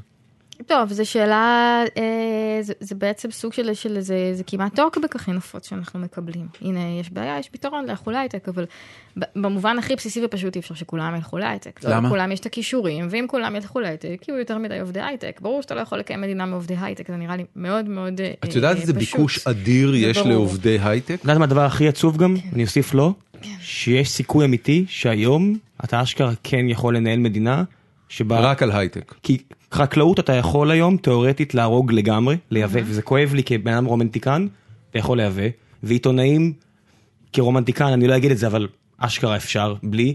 אתה יכול לנהל את המדינה הזאת, אולי אנחנו לא רוצים לנהל את המדינה הזאת. מדינה בלי מורים, בלי אחיות, תתפלאי. בלי עובדים, רגע רגע רגע רגע. בלי עובדים סוציאליים. מורים שמלמדים את מקצועות ההייטק. הם- לא, מורים שמלמדים את הילדים שלך בבית ספר. אז אה, אני, אני, אה, אני משלם המון מיסים כעובד הייטק. וכיוון שאני משלם המון מיסים, אז אני יכול להגיד לך שאם אחוז עובדי ההייטק במדינה היה גדול יותר, והם היו באיכות גבוהה יותר, אז בהחלט יש מצב שהמורים היו יכולים להשתכר הרבה יותר, כי, כי היה להם ביקוש. זה, אה. זה עניין נורא בסיסי. אתה מבין שאת, שזה לא עובד ככה, נכון? זה ממש עובד לא, ככה. לא, רגע, רגע, רגע. יש, יש, אם את רוצה ללכת על חוקים קלאסיים של היצע וביקוש, אז כרגע... אבל שכר של המורים הוא לא כפוף לחוקי היצע וביקוש. בוודאי שכר של שכן. המורים הוא כפוף ל- להסכמים עם ארגון המורים והוא קבוע, הוא לא, הוא לא מושפע מביקוש בכלל, יש מחסור עצום במורים, עצום, חסרים המון המון מורים ועדיין השכר שלהם לא עולה בשקל. מהבחינה הזאת היא צודקת, אני אומר, זה לא יקרה, אני- זה לא יקרה בן רגע. אין לי מושג על מה אתם מדברים. אני לא- אני מכיר כן. כמה אנשים שעשו הסבה להוראה במהלך השלוש שנים האחרונות, הם עשו את זה חלק בגלל לייפסטייל, קצת בגלל תחושת שליחות, ובתוכנית, אה, אה, התוכנית שנקראת עוז לתמורה, הם מצליחים להגיע בה למשכורות מאוד מאוד יפות. לא משכורות הייטק, אבל 70% ממשכורות הייטק.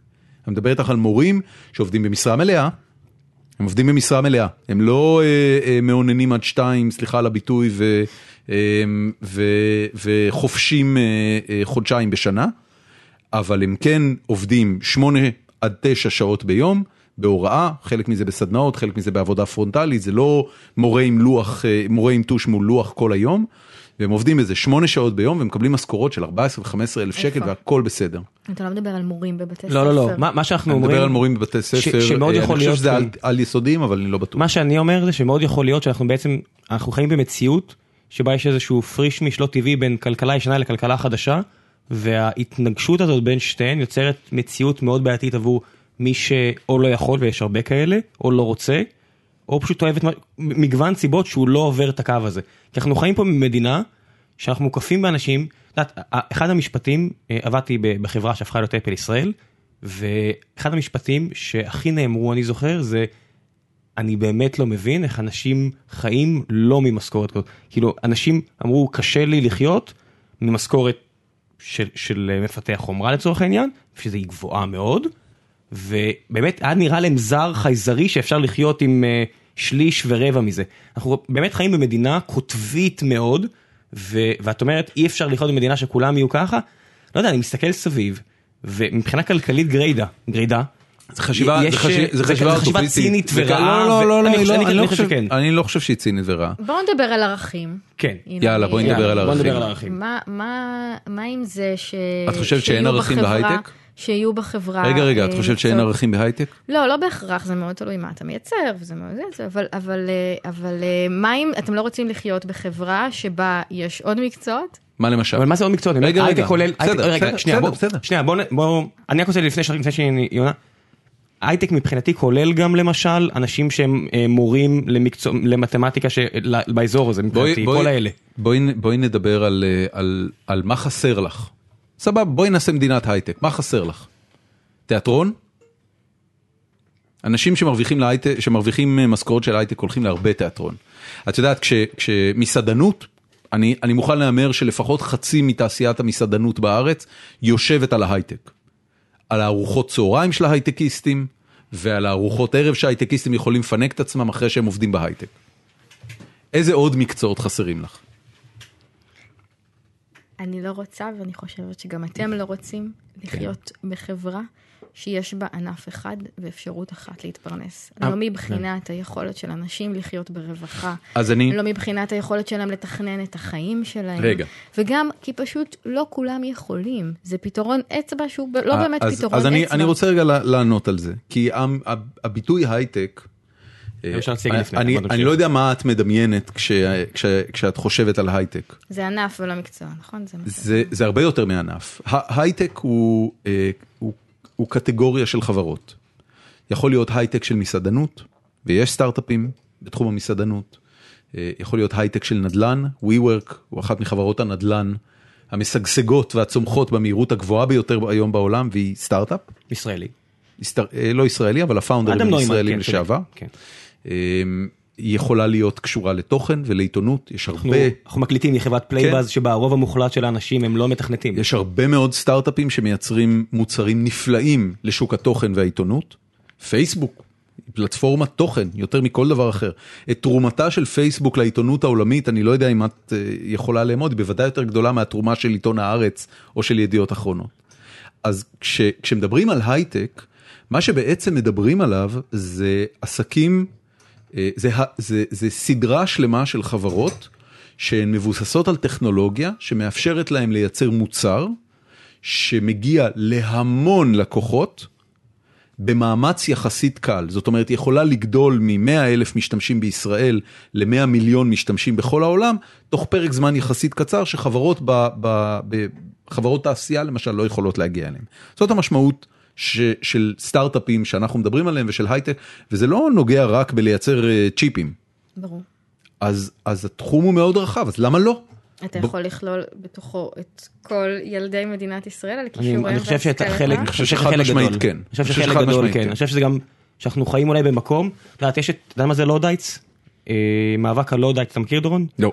אה, אנשים שהפעילו את הלומים, לומים באנגליה, שהתחילה המהפכה התעשייתית, אז ה Luddites היו הקבוצה שהייתה אנטי טכנולוגיה, כי אמרו מה זה לא יכול להיות שמכונה תחליף 20 מאיתנו. התחילו התפרעויות אלימות מאוד נגד אה, בוא המכונות ואמרו איך זה יכול להיות שתיקח את המפעל, אדם סמית כתב על מפעל פינים. הוא אמר, זה הרומנטיקאים יגידו, זה עבודת כפיים, אתה לא יכול לקחת אותנו, אתה לא יכול להביא את המכונות האלה שיחליפו אותנו. ו Luddites נהיה עד היום איזה מין שם כזה, אה, שם כוללני לאנטי טכנולוגי. ואני אומר, הם טעו אז, ויכול להיות שאנחנו טועים היום לגבי הרבה מהמשרות. אמא שלי למשל רופאה כבר 40 שנה. אני מניח שחלק עצום מכל העבודה שלה, 20 שנה מהיום, אה, מחשב יעשה, ומאחורי המחשב הזה יהיו 20 מפתחים על כל אה, חלק קטן בו. אה, או מפתחים, מעצבי מוצר, מעצבים, מעצבות, פסיכולוגים, פסיכולוגיות, ואני אומר, כן, זה מבאס אותי באיזושהי רמה, אבל זה המציאות, אנחנו, לא, אנחנו, לא, אנחנו אי קטן ב, ב, בעולם גדול, וכל עוד אנחנו רוצים להיות עם, ה, עם האייפון הזה או הנקסוס הזה בכיס, ולהיות על אוטו גרמני, ועם נפט מאזרבייג'אן, ועם אה, כל הדברים, אנחנו לא יכולים לשחק לפי המשחק שאנחנו קובעים, והמשחק בחו"ל הוא כזה.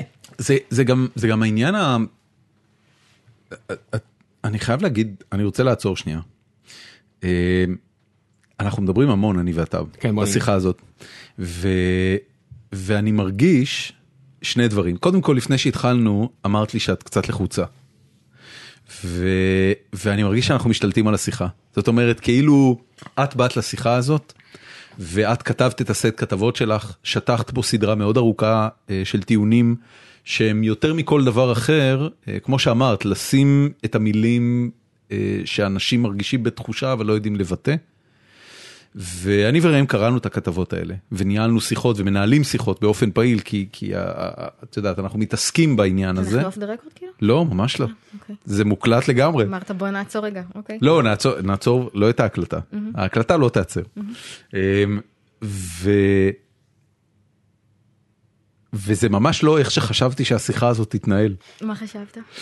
אמ, קודם כל חשבתי שיש לך אה, אג'נדה נורא סדורה. ואני מרגיש שלא שיש לך אג'נדה, אלא בעיקר יש לך, אה, אמ, זאת אומרת שהאקט של, הכת... של כתיבת הכתבות האלה הוא קודם כל אקט של ביטוי, והוא בכלל לא מגיע עם אג'נדה. זאת אומרת, זה, זה קודם כל לבוא ולהגיד, שמע, יש פה בעיה. ו, ואני לא יודע כאילו, איפה את בסיפור הזה? אני לא מבינה את השאלה. אה, וואי וואי, קשה לי להסביר את זה, אני, אני צריך לחשוב על איך... מה זאת אומרת את לא מגיעה עם אג'נדה? את, אתה מתכוון לאג'נדה, את, אני חושבת שאתה רוצה לנהל דיון אה, על אה, כלכלה ניאו-ליברלית? לא. מול כלכלה סוציאליסטית? לא, ממש לא. את רוצה לנהל את השיחה הזאת? לא דחוף לי, ניהלתי אותו כמה פעמים. הבנתי. אה, האג'נדה הכוללת, היא לא, היא אגב גם לא שיחה חשובה יותר, מדי בעיניי, כי גם אה, את המושג ניאו-ליברליזם וגם את, המושג סוציאל דמוקרטיה, אה, הגו אנשים שלדעתי כבר לא רלוונטיים לתקופה הזאת. אני חושב שמה שיש לנו בידיים זה משהו חדש. ואם יש משהו שהכתבות שלך ביטאו בעיניי בצורה היפה ביותר, זה שתשכח ממה שאתה יודע. כמו שטיילר דירדן אומר למספר בפייט קלאב, forget about what you know. אה, אה, אני, חושבת שזה נורא ברור שאנחנו חיים על שתי שפות של פער דורי. אה, שהרבה מהבעיות החברתיות שאנחנו רואים היום נגרמות בגלל הפער הדורי הזה, ושהפער הזה הוא תרבותי וחברתי, אבל אם רוצים למצוא את השורשים שלו, השורשים שלו הם כלכליים, והם נעוצים במדיניות כלכלית. זה, זה בעיניי כל הסיפור. האם אני... מה, אני מה שאת באה- קוראת לו מדיניות כלכלית, את מתכוונת למדיניות שאנשים אחרים קבעו. זאת אומרת, את, את בעצם מדברת על זה שהעולם, שבגללו את ואני ו, וכל הדור שלנו נמצא במצב שהוא נמצא בו, אה, וכמו שאנחנו מתארים זה מחמיר גם ככל שיורדים לשנות ה-20 של כן. חבר'ה שהם היום בני 20. אה, זה בעצם, הם, הם, הם, הם כאילו מגיעים למשחק שמישהו אחר קבע את החוקים שלו, מישהו כבר טוב בו מאוד, והם צריכים עכשיו להתמודד עם המשחק הזה. אני בוא נראה אותך עולה עכשיו על מגרש פוטבול, שיושבים עליו אה, אה, ש- 40 אה, אה, חבר'ה מטנסי במשקל אה, 150 קילו כל אחד. יאללה, תשחק, הנה זה המשחק, בוא נראה אותך מצליח בו.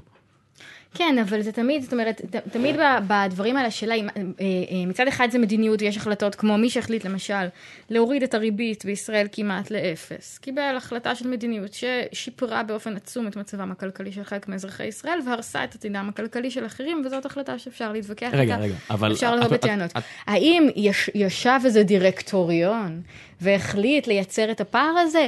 ברור שלא. זה חלק מהחיים בתוך ההיגיון הכלכלי הזה. רגע, אבל אני רוצה שנייה להגיד משהו, כי אני בטוח שאם אני לא אגיד אותו אני אחטוף בראש על זה ממאזינים שלנו. תחטוף. לא, כי ברור לכם שלא יכול להיות שבכל העולם נגיד הריבית תהיה סביב 0 ופה היא תהיה 4, נכון? זה- אנחנו מסכימים על זה? כן. אז אני אומר, מה, אז מה, אז מה הטענה- האופציה? מה האופציה? מה האופציה של המשק הישראלי כשאמריקה מורידה אני- את אני שוב הריבית מביא את לאפס? הטענה הזאתי מה של- יכל לעשות הנג- מה יכלה לעשות הנגידה או הנגיד, במקרה ההוא זה היה פישר? אה, מה הוא יכל לעשות? להשאיר את הריבית גבוהה? זאת אומרת שזה הגורל. זה לא עניין שזה הגורל, זה עניין ש... א', כן, אל תת- אל תתחמק מזה ש... אני, אני, לא רוצה, אני לא רוצה לקרוא לזה גורל, כי המשמעות של זה היא זו בעצם... המציאות, זו המילה. תראי, אנ- אנחנו חיים בעידן שיש בו כמעט שלום, ויש בו כלכלה אה, חופשית בהרבה מאוד מדינות בעולם, ותנועה גם של עבודה וגם של הון, אה, במידה רבה של חופש, בוודאי לדעתי מידה יותר גדולה של חופש ממה שהיה לפני שנות דור, אה, ואם ככה, אז אם הממשל בארצות הברית החליט אה, בגלל וול סטריט אה, לזמבר את הדור הצעיר שלו, כן, גם אנחנו נזומבר. זאת בעיה גלובלית חד משמעית. כן? נכון, זאת בעיה גלובלית. האם שווה בתוכה- לוותר על הגלובליזציה? לא, שווה לסגור יש- את הגבולות? יש בתוכה החלטות ספציפיות במשק הישראלי. אה, אה, שיכולות לשפר מאוד את המצב של צעירים היום. נכון. אה, יש אה, מדיניות כלכלית שאנשים כן מקבלים החלטות שיכול להזיז את הסיטואציה הזאת לכאן או לכאן. אה, זה שזאת בעיה גלובלית ולחלק מהבעיות שלה אין פתרון, זה עוד חלק בפאזל. זה לא משחרר את המדינה מאחריות לאזרחים שלה, וברור שזה לא משחרר גם אנשים מאחריות לעצמם ולעתיד הפוליטי שלהם. זה עונה לך על השאלה? במידה מסוימת. אני מנסה להבין למה את לא כועסת. זה, זה, האמת שעכשיו הבנתי. מה, מה, מה מפריע לי, למה או אתה מה חושב חסר לי שאני לא. כועסת? את לא נראית כועסת, את לא נשמעת כועסת, אולי את כן כועסת. אולי. את כועסת? קצת. רק קצת? את לא בן אדם כועס באופן תראה, כללי? יש בי כעס על הדינמיקה החברתית הזאת שבה יש דור אחד, דיברתם קודם על אנשים ש... אה, שלוקחים כסף מההורים, הרי המעבר של הכסף הגדול הוא לא מההורים לילדים, המעבר הוא מצעירים למבוגרים. בני ה-50-60 עושים את ההון שלהם על אנשים צעירים. אה, והאנשים האלה חיים בתנאים שלא יהיו לנו, האם צריך אותם כדי להיות מאושרים או לא, לא יודעת, אבל לא יהיו לנו. אה, אנחנו בתור עובדים, בתור משלמי מיסים, אה, מתחזקים איזשהו אה, שריד לעולם שיש לדור ההורים שלנו, של אמרנו פנסיות תקציביות וביטחון תעסוקתי, ו- ולנו לא יהיה אותו. אה, אנחנו כל חיינו, גם כשלא נהיה צעירים יותר, נישא בעול של לדוגמה הפנסיות שלהם, כמו שהזכרתם קודם, עד שהם ימותו. עד שהם ימותו. אה, הם ימותו מאוחר יותר מההורים שלהם. לנו לא תהיה פנסיה בחיים ככל הנראה, ועדיין בתוך זה איכשהו יוצא מצב שהם קוראים לנו מפונקים. עכשיו, איך זה קורה? זה נורא מעניין להבין איך זה קורה. וה- ההורים שלך קוראים לך מפונקת? לא, ההורים שלי דווקא, הם, אה, הם באמת חריג אה, בדור הזה, הם נורא מסכימים איתי ו, והם מקסימים. והם גם לא מסודרים כלכלית בשום צורה. אה, אבל אה, אה, אז, למה זה קורה? זאת אומרת, אפשר תמיד... אני חושבת שכשמדובר בתופעות תרבותיות, זה לא, זה לא להצביע על אשמים, אלא לנסות להרכיב את הפאזל, לנסות לראות איך כל מיני גורמים כלכליים וחברתיים ותרבותיים והיסטוריים מתלכדים לאיזשהו רגע שבו יש את הפער הדורי אולי הכי גדול שהיה במאה השנים האחרונות בין ציפיות של אנשים, בין המצב שלהם למצב של ההורים שלהם, מצב שבו אנשים, אה, אה, המצב הכלכלי שלהם פחות טוב מזה של ההורים שלהם. אה, ועדיין יש בתוך זה כל כך הרבה כעס דורי שאנשים אפילו לא יודעים איך לתמלל אותו.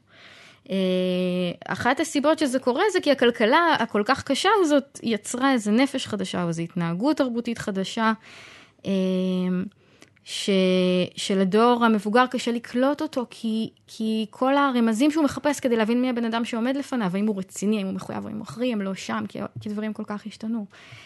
אה, כשאתה אומר שאין אג'נדה, אני חושבת ש, שאתה אתה כן, אני לא בטוחה שהבנתי למה אתה מתכוון.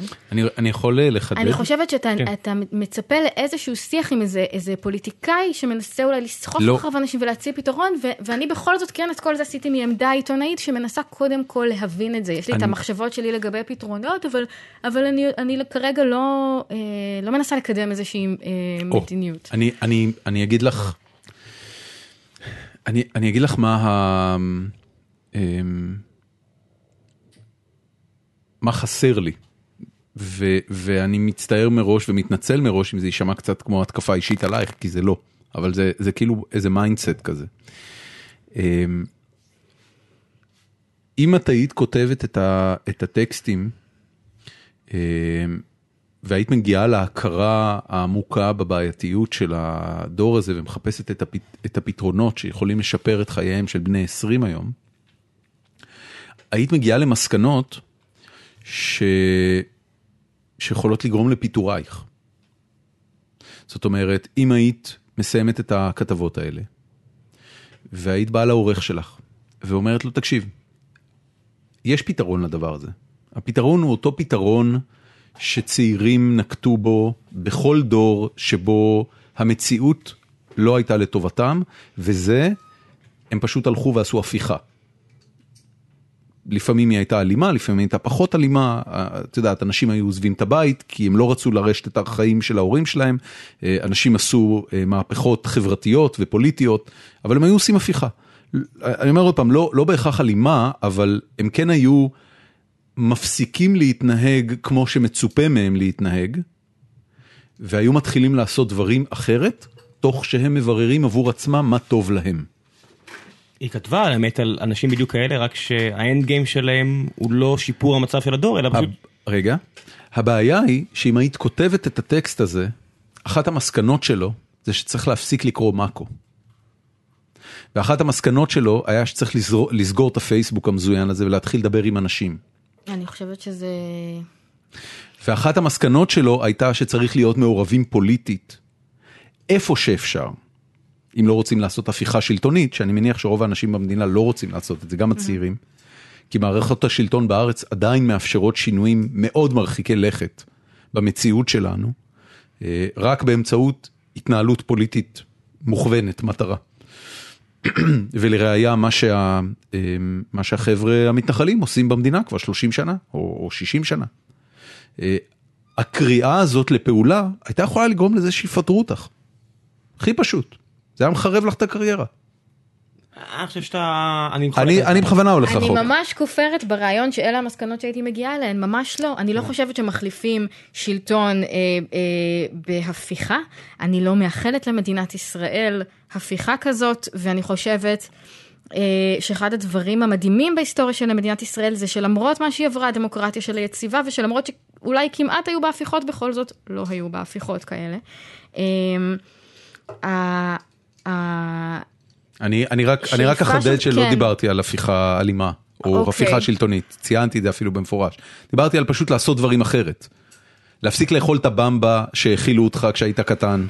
להבין שהבמבה הזאת היא לא מה שאתה צריך כדי, זה לא יעשה אותך מאושר, זה לא יעשה אותך עשיר, זה לא יפתור את הבעיות שלך בחיים. לא הטלפון הסלולרי שאתה משתמש בו ולא, אני מתחיל לדבר כמו טיילר דורדן. אז מעבר לזה, אז היה עכשיו בארץ כתבה, ואנחנו, יש לנו אורחת שמגיעה עוד שלושה שבועות, אנשים שהפסיקו לצרוך, ואני מכיר הרבה מאוד אנשים שסגרו את החשבון פייסבוק שלהם, לא, אז, אז, אבל אני לא, אני לא אבל מדבר לא- רק אבל על זה, להפסיק למקום- לעשות את הדברים שאמרו לך לעשות. אתה, אתה הולך למקום נורא ד- רדיקלי של פתרון, כש, כשכל הדבר הזה התחיל, אנשים הם, ב- הם ב, בתוך אה, מצב תודעתי, והם עדיין בתוך מצב תודעתי, שמנסים לשחק לפי אותו משחק קפיטליסטי. אז למה לא לבוא ולהגיד להם, "זו שאתה- טעות"? שאתה בעדו. אתם לא עכשיו, תנצחו בלשחק את המשחק. חלק כן. אני אה, לא חושבת the אפילו שרוצים לנצח, רוצים, גם- אתה בתור קפיטליסט, אני חושבת שהשאיפה שלך זה שהשוק יעבוד, שאנשים מוכשרים יצליחו, נכון? אה, אה, זאת אומרת, יש שני סוגים של קפיטליסטים, יש את אלה שאומרים ג'ונגל, ויש את אלה שאומרים עדיין צריך להשגיח שלא יהיו מונופולים פרועים, למשל, אה, שלא יהיו חסמים משוגעים כאלה בפני, בפני אנשים צעירים, שכן, עושה היגיון? או שאתה... את שואל- את שואלת כן, שאלה? כן, עליי באופן אישית? כן, אני לא רואה בעצמי ליברטריאן, אני מאמין במעורבות ממשלה, כן. אבל אני מאמין הרבה יותר בזה שהדרך הכי טובה להשיג את, מעור... את סוג מעורבות הממשלה שאתה רוצה, היא להיות מעורב בממשלה. אבל אני אומר, אם תשאל, אם תיקח עכשיו 100 אנשים, מאלה שהיא כתבה עליהם, ותגיד לה, האם אתה בעד אה, מעורבות ממשלתית? אבל כן אני או לא שואל את דעתם, אני, כן- אני לא מדבר על לשאול את? דעתם, אני מדבר על דעתה. ואני מדבר, אתה יודע, היא עשתה את התחקיר, היא בסופו של דבר לקחה וצללה לתוך אוקיינוס של דעות שהמסקנה הברורה שצפה ממנה זה, שיש פה דור דפוק, זה, זה גילוי מהכתבות שלך, והדו, ו, והיה סדרה מאוד ארוכה של כתבות שסימנו את המקומות שבהם הדור הזה נדפק. נכון. וה, והרצון פעם אחת לזהות את הבעיה ופעם שנייה להצביע על פתרונות אפשריים בשבילה. כן. האם הפתרון, הפתרון האפשר... תראה, אני, אני אחזור לנקודה שהתחלתי בה את הפואנטה הזאת. מה שאני אומר זה שהסיבה שבגללה את לא יכולה להטיף לפתרון האמיתי, הוא לא- שהפתרון הזה חותר דח, תחת המדיום שבו פרסמת למה את אתה- הכתבות. אבל למה שהפתרון הזה חותר? ולא- מכיוון שמאקו לא יסכימו לפרסם למה כתבה לא? שאומרת, מכיוון שמאקו חיה מפרסומות. אבל מה רע בפרסומות? איך פרסומות מה, ש- נוגדות את ה... מה שרע ברוב הפרסומות, זה שהן מנסות לשכנע אותך לקנות משהו שאתה לא צריך. אז מה שאתה אומר זה שהפתרון הוא להפסיק לצרוך? אני, אני חושב שהפתרון הוא לברר את התשובה בעצמך, אוקיי. וכשאתה מברר את התשובה בעצמך, אתה לא תמצא אותה לא בשום אה, מוצר שמראש הונדס כדי להביא אותך לצרוך משהו. התשובה לא תהיה בפרסומות, אבל אתה מבין ש... התשובה לא תהיה ב Sex and the City, שהוא מוצר פופ אה, שכולו הונדס כדי ל- להגביר צריכה ברור. גם של המוצר עצמו וגם של כל מה שמוצג במוצר. נכון. אה, הוא יימצא במקומות אחרים, הוא יימצא בטקסטים אחרים, אני מניח שאת מכירה טקסטים שעוזרים לאנשים למצוא תשובות. אה, אני חושבת הפתרון... אגב, זה בסדר להגיד לי שאני מקשקש שטויות. זה לא, אני יכול לא להיות שאני רוצה להגיד לך שאתה מקשקש אני חושבת שאתה מדבר על איזה משהו נורא אנרכיסטי ונורא רדיקלי, אה, ועל איזשהו, אה, איזשהו פירוק טוטאלי כזה חברתי, אני חושבת שהפתרון, קודם כל כלפי בן אדם ספציפי שמוצא את עצמו תקוע בחייו, כן, הפתרון, הפתרון ברור שהוא הוא, הוא אחר לכל אחד. ו, וברמה הממשלתית, המפלגתית של מדיניות, אה, יש לי את הרעיונות שפירטתי קודם למה יכול לשפר את המצב הזה. אמ, האם אני כופרת לחלוטין בזה שאתה יודע, בכל הסדר, באיך ש- שהעולם בנוי, ואני יכולה להציע פה איזה סדר חדש ומופלא ואיזה אוטופיה? לא, ממש לא, זה ממש לא הכוונה. אה, זה משהו הרבה יותר מתון, ברור. אה, שכדי לשנות, אתה גם אמרת את זה קודם בעצמך, ברור שכדי לשנות מדיניות, אנשים צריכים אה, לקחת חלק במשחק הדמוקרטי, אני ממש בעד. אני לא חושבת, אני לא חושבת ש... גם ראינו במחאה. אה, כמה, כמה מוגבל הכלי הזה. אה, הדיבור הזה של לה- להפסיק לצרוך, גם אם ברור לך שהוא לא בר קיימא מבחינה כלכלית. מה זאת אומרת? אה, בכלכלה עולמית שבה פחות מאחוז מייצר אוכל, שאר ה-99 אחוזים צריכים להצדיק את קיומם ולקבל את האוכל הזה, ואתה אומר עכשיו, אוקיי, אז נניח, אתה לא חייב לצרוך luxuries, אתה לא חייב לעשות את זה בשביל לחיות, אבל שוב, בכלכלה שבה פחות מאחוז מייצר את האוכל, מה יעשו שאר ה-99 אחוזים? מה יעשו? איך, איזה סדר, אתה מתאר סדר כלכלי שמתבסס על רעיונות שהם semi Fight Club ו semi כלכלה של פעם היית פשוט משק אוטורקי בבית, היית מכין לעצמך את האוכל וחי ממנו, אבל כשאתה גר בעיר כמו הרוב המוחלט, מה הפואנטה? אתה שואל אותי מה יעשו אחוז שה-99 אחוז... אה, מה יעשו ה-99 אחוז כדי לקבל את האוכל הזה? מה זאת אומרת? אם הם לא יצרכו, נניח כולם עכשיו מחליטים לצרוך פחות, כן. ומלא כלכלות מתרסקות, כל הכלכלות של הלאגז'רי. הצמיחה יורדת. עזוב. צמיחה, עזוב, אני אומר, בפועל, נגיד אני עכשיו במסעדת יוקרה פלצנית, אז אנשים לא באים אליה, אז עברנו לייצר פלאפלים, כי זה מה שעכשיו אנשים יאכלו. אוקיי. אז לא צריך את כל הפלאפלים, אז כמות הפלאפלים תרד. ואם אני לא צריך יותר להחליף את האייפון כל שבוע, אז כמות החברות האלה תרד. בסופו של דבר אתה צריך לעשות משהו. אז מת- מתישהו תגיע אז משהו יותר ערכי, למשל לשלם על תוכן. אז תגיד תוכן זה, זה יותר ערכי, אז אחוז האנשים שמע, שמייצר תוכן יעלה. המסקנה היא בסופו של דבר שאנשים צריכים לעשות פחות ילדים. הסיבה שבגללה צריך צמיחה כל כך מטורפת היא שאנשים עושים המון שמע, ילדים. אז, זה- אז זה משהו, ישראל ומדינות כמו ישראל ואוסטרליה, לעשות פחות ילדים זה, אתה יודע, זה כאילו נורא ואיום, אנחנו חיים במדינה עם 20 אלף קילומטר רבוע, יש כרגע שמונה וחצי מיליון ישראלים. כן. המדינה הזאת מבחינה, כל בחינה, לא, עזוב תיאוריות של מלטוס וכאלה, לא מסוגלת אה, לקיים אותנו, אנחנו לא, מתבססים על אוכל שהגיע. העניין הזה נפתר, הנה היא אומרת לך, בתל אביב כבר התחילו לעשות פחות ילדים, במגזר הערבי התחילו לעשות פחות ילדים. שתיים, גם בתל אביב הממוצע מעל שתיים. רק היום אה, אה, ראיתי כתבה על זה שגם במגזר הערבי וגם במגזר החרדי, הילודה יורדת לרמה כזו, שאין יותר, אתה יודע, דיברו הרבה שנים על זה שיש איום על האוכלוסייה אז החילונית. קראתי ב- את זה, ואז אמרתי, מה שהיה חסר שהם יכתבו שם, כן. שבשלוש שש ושלוש שבע, שזה הממוצעים של האוכלוסיות האלה, כן. אוכלוסיית ישראל 2050, יהיה 20 מיליון אנשים. אתה יודע, אתה אומר, אז יש בוא- פה מקום ל-20 מיליון אנשים. לא אין. מה זאת אומרת לא אין? אין, לא אין, לא בניו יורק יש מקום ל-11 מיליון? לא ל-20 מיליון? לא יודע כמה חיים שם? כן, אה, מדינת ניו יורק ענקית, ו... לא מדינת ניו יורק, אז זה בדיוק ניו יורק. סיטי. אז הרבה, המים שניו יורק צורך- צורחת, כמו שהמים של לוס אנג'לס צורחת, מגיעים מאריזונה לצורך העניין.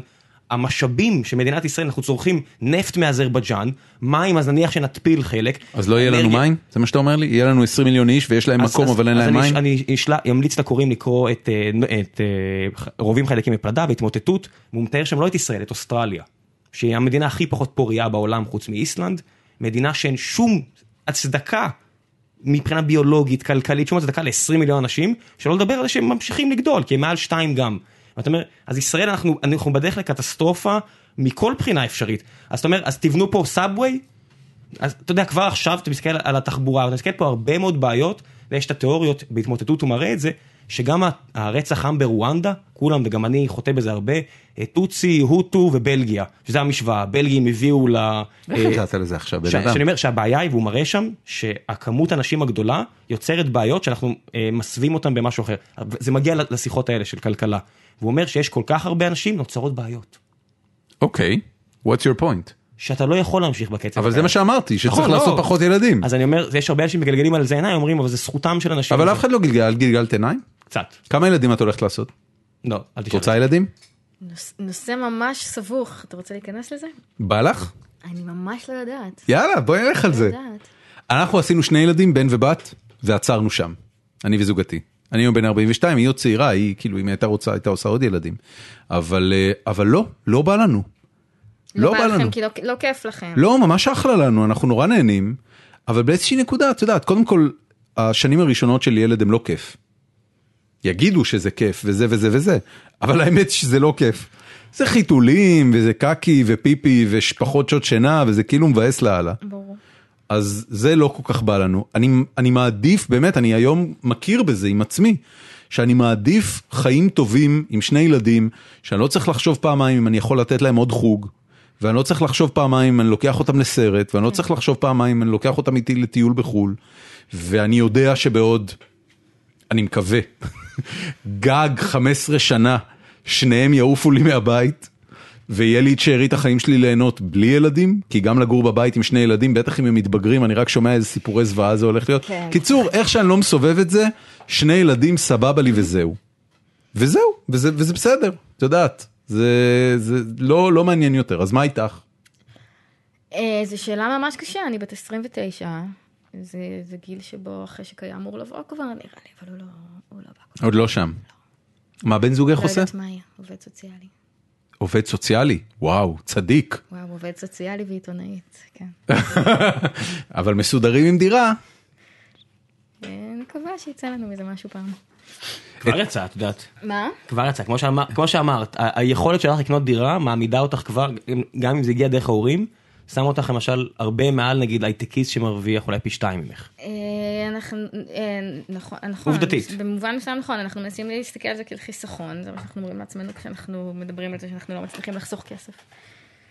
אה, שהדירה היא החיסכון בעצם. שהדירה היא חיסכון. זה כנראה נכון. זאת גם השקעה מניבה. מה, אני- ממש אשמח, ממש מסקרן אותי לשמוע מהו החזון האנרכיסטי והבלתי צרכני שהתחלת לתאר פה. תראי, אני לא, אה, אני לא צדיק גדול בעניין הזה, כי אני, אה, אני צורך הרבה ג'אנק פוד, אני אוהב ג'אנק פוד. זה... בדיוק היום דיברנו על זה שאתה הולך להפסיק, דורון. אני צריך להפסיק. כי קנינו, עשינו את הטעות הנוראית ובשבוע שעבר קנינו משקל דיגיטלי ועכשיו יש לי את כל האמת לפנים כל בוקר, אה, אני מכריח את עצמי להישקל רק לא כדי... משקלים כל בוקר, פעם בשבוע. לא, אני עושה את זה כל בוקר. אמ, ו... ו... מבחינתי אני יכול להגיד לך שמה ש... שני דברים שמאוד עניינו אותי בחיים שלי, זה... ש... אני גדלתי בבית שבו היה הרבה מאוד דגש על צבירת הון. אה, ההורים שלי הצליחו במהלך תקופת חייהם אה, אה, לקנות מספר דירות, ירשו גם שתיים מההורים, כי הם היו ילדים יחידים. והם הם באופן כללי, הם לא אנשים עשירים בשום רמה, אבל את יודעת, בהשוואה למה שאנחנו מדברים עליו היום, הם, הם אה, רגועים, הם אנשים רגועים. ו... ואני, אה, ככל שהתקדמה הקריירה שלי, הבנתי שמה שמעניין אותי זה פחות לצבור הון, אבל כן להתקדם בסולם שאני מכנה אותו דרגת חופש. כן. וכשאני אומר דרגת חופש, אני מתכוון, את יודעת, בסטארט-אפים מדברים הרבה על המושג של fuck you money, שמעת אותו פעם? בטח. אז הרעיון מאחורי fuck you money, שהוא בעצם חלום חייו של הסטארט-אפיסט, זה של חלק. בדיוק קראתי את עדי שמש, איזו יזמית שאמרה שהיא יצרה לעצמה את המקום עבודה אידיאלי, שזה היה הסטארט-אפ שלה. החלום שלה היה ליצור את המקום עבודה האידיאלי, וזה מה שהיא עשתה, ומאוד אהבתי את השורה הזאת. מצטער להמשיך. אז, אה, אז הרעיון מאחורי fuck you money זה שאתה לא תצטרך שבעלי סמכות יגידו לך מה לעשות. זה הרעיון של fuck. כן, אפשר. ו, ובמובן הזה אני, אני באמת אני מאוד אוהב לעבוד ואני מאוד אוהב את מה שאני עושה, אבל אני רוצה שתהיה לי את האפשרות לבחור את מה אני עושה, ושבאמת אני לא אצטרך לעמוד בשום סיטואציה שאני יודע שההורים שלי אגב עמדו בה הרבה מאוד, שמתעמרים בהם. כן. אה, אז, אז מבחינתי ההתקדמות בחיים היא לא על הסקאלה של הון ואושר בעין, אלא היא על הסקאלה של אושר באלף וחופש. חופש לעשות מה שאני רוצה. עד כמה שאני רק יכול.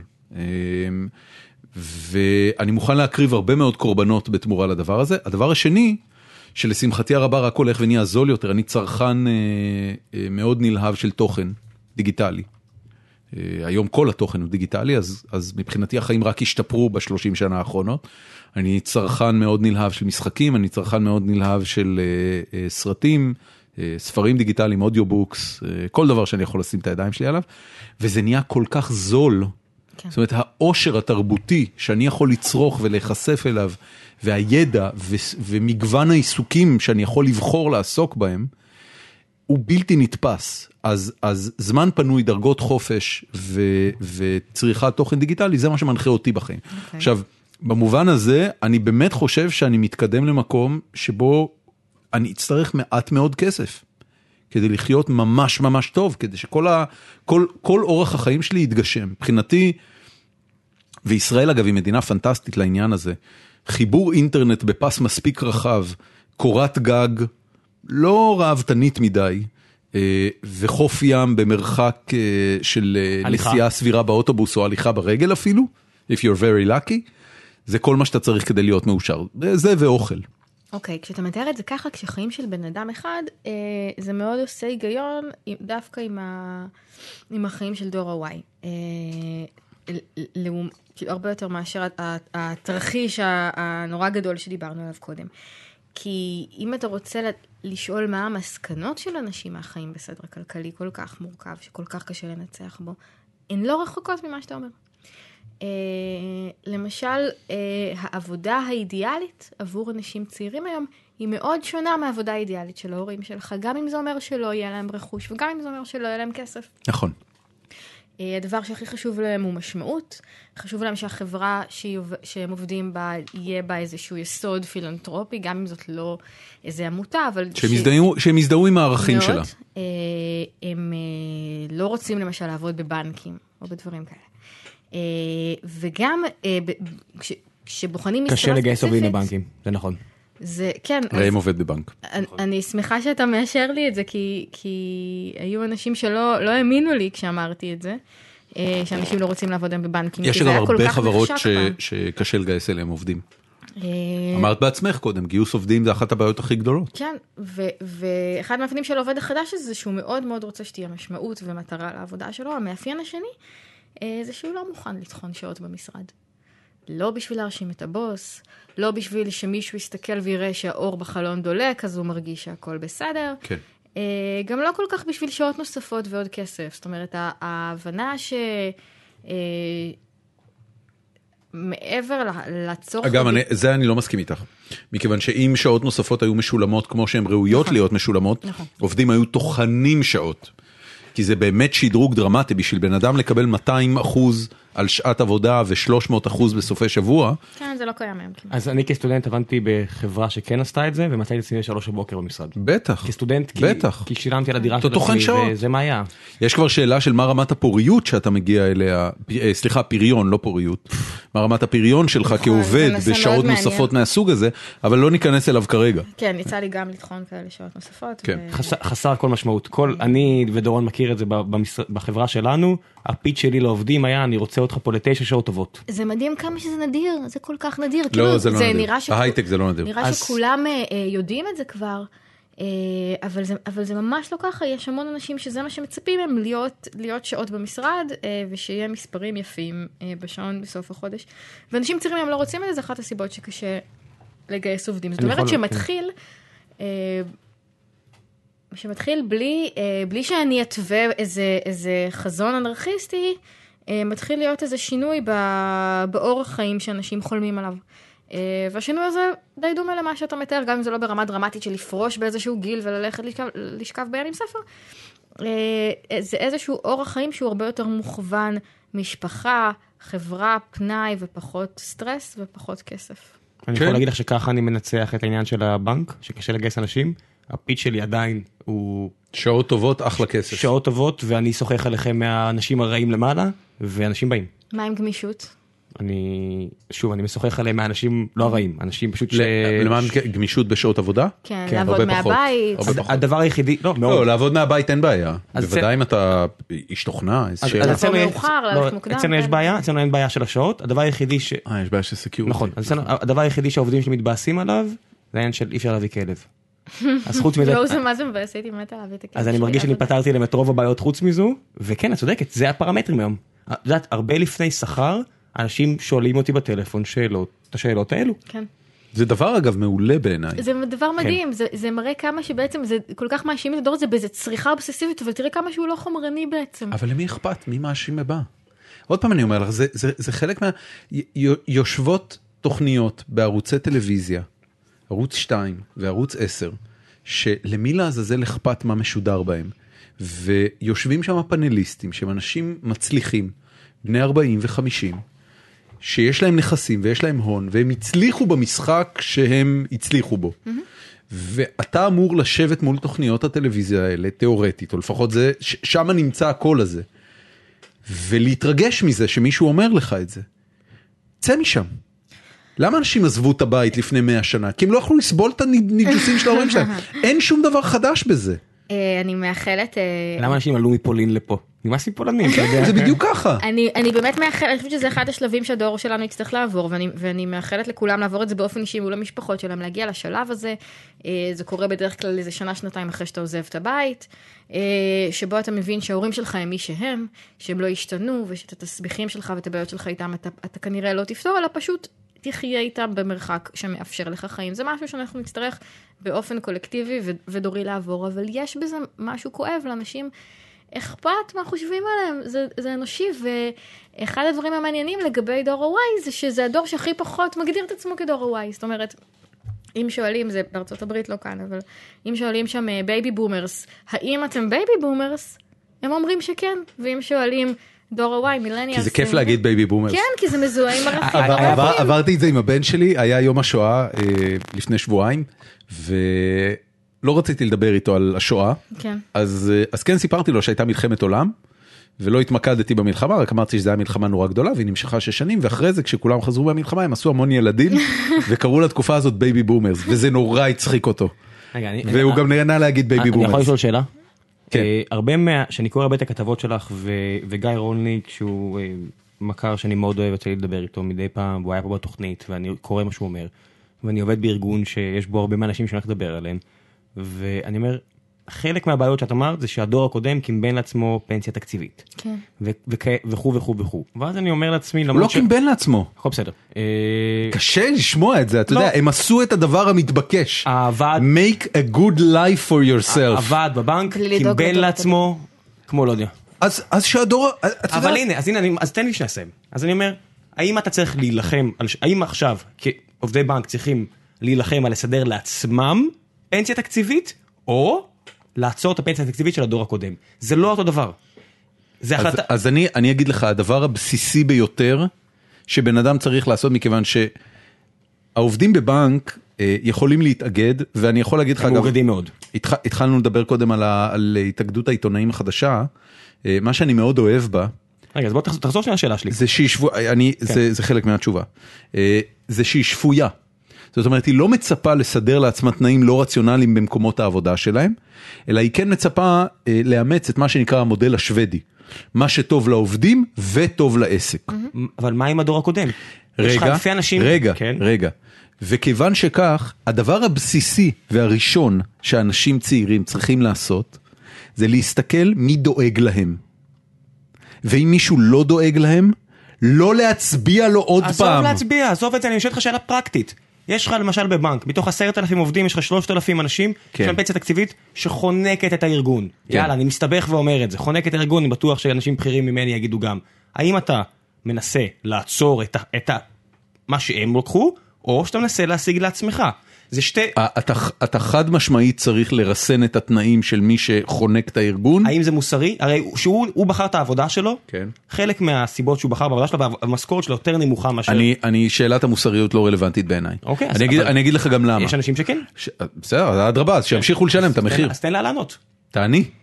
אני אתן לך לענות. כן, תן לה לענות. אה, האמת שפשוט אין לי תשובה לזה, אה, ואני חושבת שלאף אחד אה, בעולם היום אין תשובה טובה למה יהיה עם הפנס- עם הפנסיות ואיך יפתרו את זה. לא, אני אומר שאלה מאוד פרקטית. אני- לקחת להם או לא?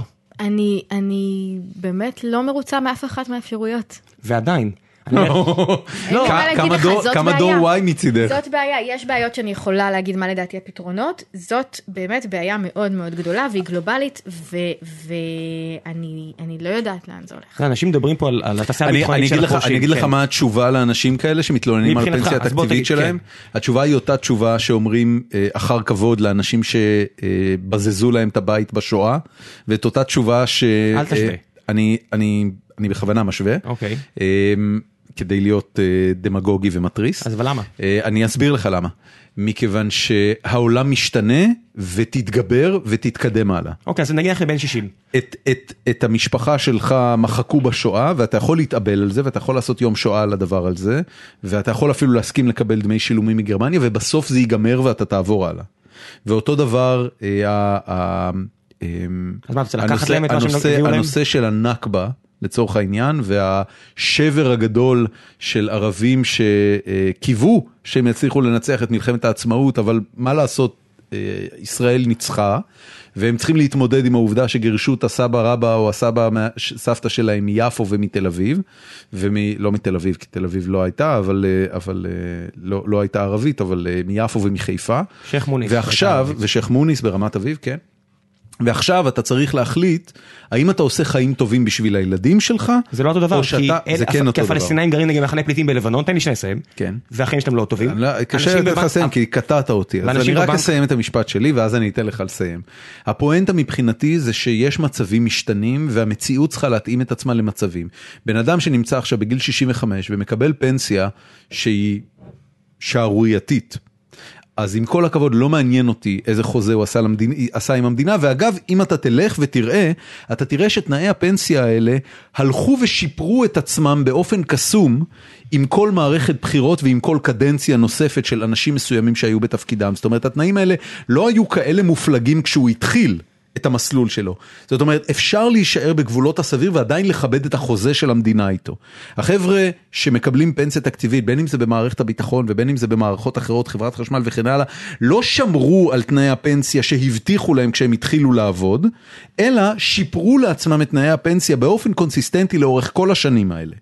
אז אחר כבוד, תנאי הפנסיה שלך קצת הידרדרו, מה זה קצת? צריך- הרבה לקחת להם. 50 אחוז. 50 אחוז זה לא קצת, אתה מסכים? זה ממש קצת. ביחס למה? אתה, ביחס למה שהם מקבלים. אתה תמשיך לחיות חיים פנטסטיים ואתה תקבל רק 50% מהפנסיה התקציבית שלך. אבא שלי מקבל פנסיה תקציבית מהסוכנות היהודית, 15,000 שקל. מצוין, הוא יקבל 7,500 והוא עדיין יחיה טוב, באותה מידה. אז אבל- אבל ממי תיקח? כל מי שיש לו פנסיה תקציבית ייקח ממנו? כן, הבנתי. עכשיו אני אומר לך... אפשר שזה יהיה מדורג, אפשר לעשות כל מיני תרגילים. בוא, בוא לא ניכנס עכשיו לפרטים של זה, כי יש לך נטייה כשאנחנו מנהלים את השיחות האלה, ואני מציג עמדה מסוימת, אתה בכוונה נגרר איתי לזוטות קטנות שאפשר לפתור אותן, אבל צריך זמן בשביל לפתור אותן. אני לא אומר שהפתרון הוא פתרון של זבנג וגמרנו. אני רק אומר שזה פתיר. זה פתיר, אנשים צריכים להילחם. צעירים צריכים לבוא ולהגיד, אני לא מוכן לממן את החרא הזה יותר. לא מוכן. הראש ממשלה הבא שייכנס לתפקידו ולא יבטל באופן מיידי או יצמצם באופן מיידי 50% מהפנסיות התקציביות של המגזר הציבורי, לא יקבל את הקול שלי עוד פעם ואתה תלך הביתה. ותאמין לי שזה יקרה. הבנתי. אז אתה אומר, מבחינה מוסרית, אם למשל אה, אתה חולה, למשל מישהו שהוא מעשן, האם זה מוסרי? אתה יודע, זה כל הדברים האלה של האם, מה... אתה הולך עכשיו להשוות את זה לחולי סרטן? כן. לא, בחולי סרטן אתה תממן אותם עד שהם ימותו, למה? בסדר? כי זה מה שאני חושב שהוא מוסרי. בסדר. בסדר? אוקיי. אני חושב שגם רוב האנשים הצעירים, מה את חושבת? את חושבת שאפשר להשוות בין אנשים עם פנסיה תקציבית לחולי סרטן? כן. כן. כן. אני חושבת שזה ההבדל העמוק בינינו. אני- אני חושבת שהמחויבות של המדינה לאזרחים שלה, הקיום של איזושהי מנה חברתית ואיזו שאיפה להוגנות ולמוסר, היא יכולה להיות חלק מאידיאולוג- מאידיאולוגיה כלכלית, זה בסדר. זו שאיפה לא, אני חושב ראויה. שמה שהוא התכוון אליו זה משהו אחר, הוא התכוון שהפגיעה, הוא הוא ניסה לעשות אנלוגיה בין הפגיעה באנשים שמקבלים פנסיה תקציבית לבין אנשים שהם חולי סרטן ויקבלו פחות שירותים. כן, יש משהו משותף בין הדברים הבטח- האלה. יש לו. איזושהי הפרה, יש הבטחת איזושהי לו. הפרה. הבן אדם עבד 50 שנה ואתה מפר לו את ההסכם. אני באמת מצטער. אה, אה, בוא בוא נבדוק מה הוא- מה הבטיחו לו. בוא נבדוק את מה שבאמת ההבטחה. מטריד אותי בהצעה שלך זה שבמדיניות הכלכלית הקיימת היום, אין הצעה, אני לא... לא הצעתי, שאלתי אם זה מוסרי לקחת להם את זה. אה, לא ה-50 אחוז, סליחה, מה שאתה הצעת, לא ה-50 אחוז מה- מהפנסיה התקציבית ולא הכסף שתחסוך על חולי הסרטן ילכו לטובת הביטחון הכלכלי של צעירים ופנסיות עבורם, כיוון שזו לא המדיניות הכלכלית אה, שבה נוהגת הממשלה שלנו היום. מה? תחזרי על המשפט הזה. אם תיקח מאנשים את הכסף הזה, האם אתה חושב שממשלת הליכוד, האם אתה חושב שהממשלה, שהמדיניות הכלכלית של הימנית תשקיע אותו בעוד ביטחון כלכלי לאזרחים שלה? תראי, אני, אני באופן זה- כללי זה לא מאמין קונסיסטנטי. בפחות מעורבות ממשלה. כן, הבנתי. וכיוון. שכך, אני הייתי שמח אם הכסף פשוט היה נשאר אצלי בכיס. זאת אומרת, המדינה הייתה מצמצמת את כמות הפנסיות התקציביות שהיא משלמת. קרן השתלמות, והיית- למשל. שנייה רגע, והייתה בעקבות זה מורידה מיסים. זאת אומרת, המחשבה שככל שאנחנו מתקדמים, ואגב אה, אה, רולניק אה, אמר לנו את זה, מחשבה פנטסטית, הוא אמר, שים לב שככל שעובר הזמן, אתה משלם מיסים, אבל איכות השירותים שלך לא משתפרת בעקבות זה. ואני אומר, סבבה, המדינה באמת מוכיחה את עצמה כגוף שלא יודע לספק שירותים בצורה מיטבית בהרבה מאוד תחומים. אנא, תנו לשוק לעשות את שלו, תנו לי בחזרה את הכסף. אני יודע להוציא, אני משלם מתוך אה, אה, הכנסה של אה, עשרות אלפי שקלים בחודש, שזה מה שרוב עובדי ההייטק מרוויחים, כמה עשרות אלפי, 20-30 אלף שקל, אני משלם משהו כמו 40 אחוז במס, אוקיי? מדובר בש... נגיד על משכורת של 30 אלף שקל, מדובר ב-13 אלף, 13 עד 14 אלף שקל כן. בחודש. כן.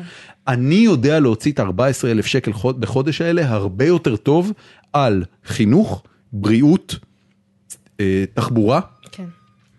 אני לא יודע להוציא את זה על ביטחון אגב, אני צריך את המדינה לענייני ביטחון, אני צריך את המדינה לענייני שיטור, למשפט, למערכת המשפט. גם בתחומים האלה יש הרבה רפורמות שיכולות לעשות ולהיפטר בבוררות אה, פרטית ולא לא ניכנס לכל אני הניואנסים חושבת. שהוויכוח, אבל ה- כן, הוויכוח פה על חירות מול שוויון כותב את עצמו, ובאמת לא, לא צריך שננהל אותו שוב, ניהלו אותו הרבה לפנינו. נראה לי שהפערים בין העמדות שלנו ברורים, אבל זה גם מסביר חלק מהוויכוח שהיה לנו קודם, כי, כי בתפיסת עולם כמו שלך, עצם זה שאנשים אה, מצפים אה, לאיזושהי תחושת הוגנות של המדינה כלפיהם, אבל- לאיזושהי, אבל-. לאיזושהי אמנה חברתית, אבל שוק חופשי הוא לאיזושהי הוגן. רשת ביטחון, אה, רגע, הוגן, למשל קח את רגע, ה... ש- שוק חופשי הוא הוגן, לא? אני לא מסכימה. איתך. את לא חושבת ששוק חופשי לא, הוא אבל, הוגן? אבל באמת זה, זה כאילו... אני גם לא חושב שהוא הוגן. למה? כי הוא, הוא מלא, אתה יודע, הוא, הוא מלא בבייסס. אם אני גדלתי במקום שקיבלתי פחות אפשרויות, אז השוק לא חופשי מבחינתי. אבל אבל מה שאתה אומר זה שהשוק הוא לא חופשי, אתה לא אומר ששוק חופשי הוא לא הוגן. חופשי, אבל לא כולם נולדים באותו קו. זה שכולם נולדים באותו קו זה לא קשור לשוק חופשי או לא שוק חופשי. כשאנחנו מדברים על שוק חופשי, הכוונה היא שלכולם יש הזדמנויות שוות. לא שכולם יש להם את אותו דבר. מה זה הזדמנויות שוות? אני אגיד לך מה זה הזדמנויות שוות. הזדמנויות שוות זה שאם אתה נולדת בבאר ש- בבאר ש- אם אתה נולדת בבאר שבע, ואתה לא יכול לעבור ללמוד ולגור בתל אביב, ואתה רוצה לעבור ללמוד ולגור בתל אביב, זה לא שוק חלק חופשי. קטן, אבל אם אבא שלי יש לו כסף להביא לי עכשיו לפתוח חברה, אז יש לי יותר אפשרויות למישהו אחר? השוק לא באמת שווה וחופשי, לא משנה איך סובב את זה. ואני אגיד לך מעבר, קח מה שאמרת לפני אני לא כן, אתה רוצה- אתה רוצה למחוק עכשיו את ההון של דורות קודמים? אז כדי- זה מה ששאלתי אותך לפני כן, תחשוב למשל על קרן השתלמות, שבעיניי זה בזוי שזה נותנים לאנשים שמרוויחים הרבה כסף עוד הקלה במס. אז אני אומר נניח שאני מבטל עכשיו את הקרן השתלמות. אם אני יכול לבוא לבן אדם בן 50 ולהגיד לו, מגיל 25 קיבלת הטבה במס שווה 1.1 מיליון שקל, אני רוצה את זה בחזרה אדוני.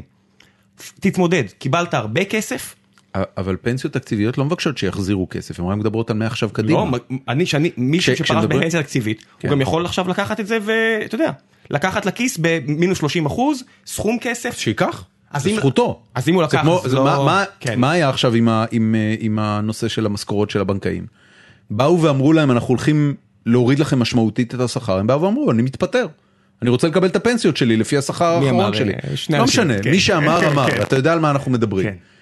סבבה, אף אחד לא מדבר על לעשות אחורה, מדברים על קדימה. אבל אבל זה בדיוק הנקודה, הבעיה, הבעיה עם הפנסיה התקציבית היא לא מה שילמנו עד עכשיו. אני לא מצפה גם שהמדינה באיזשהו מקום אה, תבקש כסף בחזרה. אז הנה הנקודה, הרבה מהפנסיה תקציבית, אנשים לא יודעים, נגיד מי שנכנס לבנק לקחת אה, פנסיה תקציבית, אה, פנסיה, אה, אתה יודע, עובדי דור א', הם מרוויחים פחות מאשר בשוק, הם פשוט יודעים שהם עושים את זה, כי זה ישתלם להם בלונגרן. הכל בסדר. אבל אם אתה מגיע ללונגרן הזה ואז אתה אומר, נגמר, יש פה את העניין ההוגנות, ההסכם הזה, שהוא הופר, זה כמו, שוב, עניין של, עכשיו הפרשת שש שנים בוא נבדוק מה הובטח לך. באמת, בוא נבדוק. אני אומר לך, התנאים האלה השתפרו דרמטית לאורך השנים. אבל גם אם שאתה יודע, אנחנו מתקרבים לסוף צליל. אני ממש מרגיש רע עם זה שלא נתנו לך לדבר מספיק. לא נתת לי לדבר מספיק? כן, אני מרגיש שלא נתנו לך לדבר מספיק. לא, אני מרגישה, אני, אני בסדר. אין לי כן? כן. אמ, מה הלאה מבחינתך? מה מה הצעד הבא בסדרת הכתבות הזאת? הולך להיות לזה המשך? אמ, יש דברים על הפרק, תמיד אומרים את זה ברעיונות נכון, יש דברים על הפרק שאני יכולה לדבר עליהם.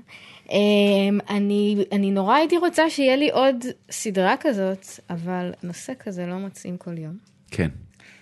אה, אני מקווה שכשאני אראה אותו אני אדע לזהות. אני אגיד במאמר מוסגר. שכל מי שקרא אותך ודיבר, ודיבר איתי על זה, אמר שגם אם הוא מסכים איתך או לא מסכים איתך, כולם אמרו שאת כותבת פשוט מעולה. תודה. אני חושב שאם אתה כותב פשוט מעולה, זה לא משנה על מה תעשי, זה יהיה. טוב. לא, זה, אני נורא מאמינה בנושא הזה. אני לא חושבת שזה היה מצליח אם, אה, הייתי את תזלזלי, כותבת את אני זה חושב על, שכן. אה, תודה, אבל אה, אה, יש בזה שילוב, כאילו היה בזה משהו שהוא גם חדש והוא גם דיבר לאנשים. אה, והם הרגישו שזה על עצמם, זה ה... אה, זה נראה לי מה שעבד שם, שאנשים הרגישו שהכתבות הן עליהם, ולכן הם רצו לקרוא אותם, כי אתה יודע, אה, זה, זה דבר שנורא מפעיל אותך רגשית, שאתה מזהה את עצמך בתור זה. אה, אז אני לא יודעת מה הנושא הבא, ו- ו- ואני מחכה שהוא יגיע אליי. ו- וכן חשוב לי, אבל, אבל שנסגור את זה, זאת אומרת, ברור לי ש- שמי שמ- מי שמחזיק באידיאולוגיה הכלכלית שלך, לא יכול להסכים עם מה שאני אומרת. זה, זה מפתיע אותי שאת זה- אומרת את זה, זה כי אני, אני קודם. כל עם הכתבות שלך כזאת- מאוד מסכים. אה, ברמה כזאת שגם לא, אה, כל התקופה הזאת לא, לא התווכחתי עם אנשים בעלי תפיסת עולם קפיטליסטית אה, מגובשת, אה, כי, כי אני באמת חושבת שמי שמחזיק ב, בתפיסה הזאת, מה שאני מנסה להגיד לא ידבר עליו, כי זה לא תואם את האמונות הכי בסיסיות שלו. אני כל כך לא מסכים איתך. אני קראתי את כל הכתבות שלך, אני מבין בדיוק על מה את מדברת. את, ה, את הטרוניות של ההורים שלא מבינים איך הדור הזה לא מסתדר, אני חוויתי אצלי בתוך הבית. אני בעיניי הפתרון הוא הרבה יותר פשוט ממה שאת חושבת עליו. שכולם ילכו להייטק. לא, רדו ממני, רדו ממני. כל, הרי בסופו של דבר, מה זה, מה זה הנטל הכלכלי העצום הזה? בן אדם ש... את יודעת משהו, אני אלך כאילו להכי אה, אה, low-end, בן אדם שעובד בניקיון, אוקיי? אם, אם השוק היה עובד כמו שצריך, והיה לו את האפשרות, והמדינה לצורך העניין הייתה נותנת לו אפשרות לשפר את, את אה, אה, המקצוע שלו ולעבור לדברים אחרים, ללמוד דברים אחרים. כמו שהיה פעם כן, כשילדים תוכניות של להכשרה עובדי מקצועית אה, וכן הלאה.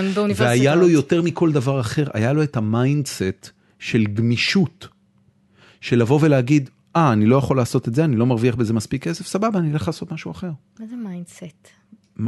היכולת להיות גמיש תעסוקתית היא mindset. זה משהו שנולדים איתו? אה, זו שאלה מאוד טובה. שאלה מאוד טובה. גמישות תעסוקתית היא, היא לדעתי, אתה אומר אם היה לו, אתה מתכוון אם, אם הוא היה מקבל את זה מהחברה, אם הוא היה נולד עם זה, האם זו אחריות שלו, האם זו אחריות של המערכת לספק לו את זה. תראי, ממש נגמר לנו הזמן, אז אוקיי. אנחנו לא יכולים יותר מדי להיכנס לזה, אבל אני, אני, אה, אני כן חושב שחלק, ואת ואת אמרת את זה בצורה די ברורה, לאנשים בדור הצעיר שאנחנו מדברים עליו, ואני מרגיש את זה בתחושה האישית שלי, מאוד חשוב מה הם עושים. מה הם עושים זה הזהות שלהם. כשאתה קם בבוקר, אם אתה קם בבוקר ואתה מנקה רחובות, אז יש לך זהות של מנקה רחובות. אם אתה קם בבוקר ואתה מלצר, יש לך זהות של מלצר, ואם אתה קם בבוקר ואתה אמ, אמ, הייטקיסט, אז אלא אם כן אתה מחליט לפרק את הקשר בין עבודה לזהות. או. אז אני בעניין הזה חושב שחסר המון מהגמישות הזאת. ולדור הקודם לדעתי היה הרבה פחות מהצורך מה, מה, מהצורך הזה. אנשים, אני לא יודע לגבי ההורים שלי, אבל בוודאי בדור של סבא וסבתא שלי, המילה פרנסה הייתה קדושה. זאת אומרת, פרנסה הייתה הדבר שמבדיל אותך מרעב ועוני וחולי לשרידות ועמידות והיכולת to put a roof above your head ואוכל על השולחן שלך. נשים לינק לשיר המקצוע של מאיר אריאל למי שלא, למי שלא מבין ו-. ובמובן הזה תהיה גמיש. אתה לא יכול לעשות משהו כזה, יש מלא דברים שאתה יכול ללכת לעשות. לך תעשה משהו אחר שאתה תהיה טוב בו. תעשה 50 דברים שונים. אבל, ה, אבל ה, זה, זה כאילו מפתיע אותי שככה את סיכמת את העניין, כי אני את כל הטקסטים שלך קראתי ואמרתי, ברור, והדבר, המסקנה הברורה מבחינתי על העניין הזה, זה קח את עצמך בידיים, תוריד את המדינה מהכתפיים שלך. על זה היא מדברת. תוריד את הפנסיה הזאת, תוריד את כל מה שהמדינה מעמיסה עליך, שאתה חייב לסחוב, תהיה חופשי. עכשיו חופש זה, זה לא מעורבות מדינה, זה לא שהמדינה מסדרת את החיים בשבילך. חופש זה בדיוק ההפך מזה. זה שאתה לא צריך את המדינה, שאתה יכול לעשות הכל לבד. עכשיו, אנחנו חיים בתקופה שבה, תסכימי איתי שחיבור אינטרנט זה דבר זול וזמין. דרך חיבור אינטרנט בן אדם פחות או יותר יכול ללמוד כמעט כל דבר שהוא רוצה. כל דבר שהוא רוצה. הוא יכול להיות משווק פרחים אינטרנטי והוא יכול להיות מתכנת מיקרו-צ'יפים והוא יכול ללמוד את זה לבד. אני, זה, זה מאוחר מדי בשביל להיכנס לדיון כמה קשה לעבור מעמד בישראל. לא מעמד, אה, עיסוק. לעבור עיסוק לא אמור להיות קשה. אוקיי. אה, אני חולק על דעתך אבל. באמת? כן. אתה חושב שקשה לעבור עיסוק? נורא. אני חושב שנורא נורא קשה. אני, אני כמעסיק אתה עכשיו, לא, אתה לא חושב שהאפשרות אה, ללמוד מקצוע חדש היא זמינה היום הרבה יותר מאי פעם? אה, גם אם אנחנו כן, כל הזמן מדברים על קורסרה ועל מקומות שבהם אתה יכול ללמוד לעצמך אבל- מקצוע אבל חדש. בגלל שזה פתוח לכולם, נו, והתחרות קיימת עדיין, כמו כל שוק חופשי, אוקיי. עושה גרשיים, אז בגלל שגם אחרים יכולים, אז נניח עכשיו אה, מישהו, מישהי בלי ראש מתמטי נסו עכשיו ללמוד לתכנת וזה לא בא להם בקלות, עזוב לתכנת. אז הרבה דברים, הרבה מקצועות, תפתח חנות אינטרנטית. אבל לא למה, כזה קל. הנקודה שלי בכלל לא פה.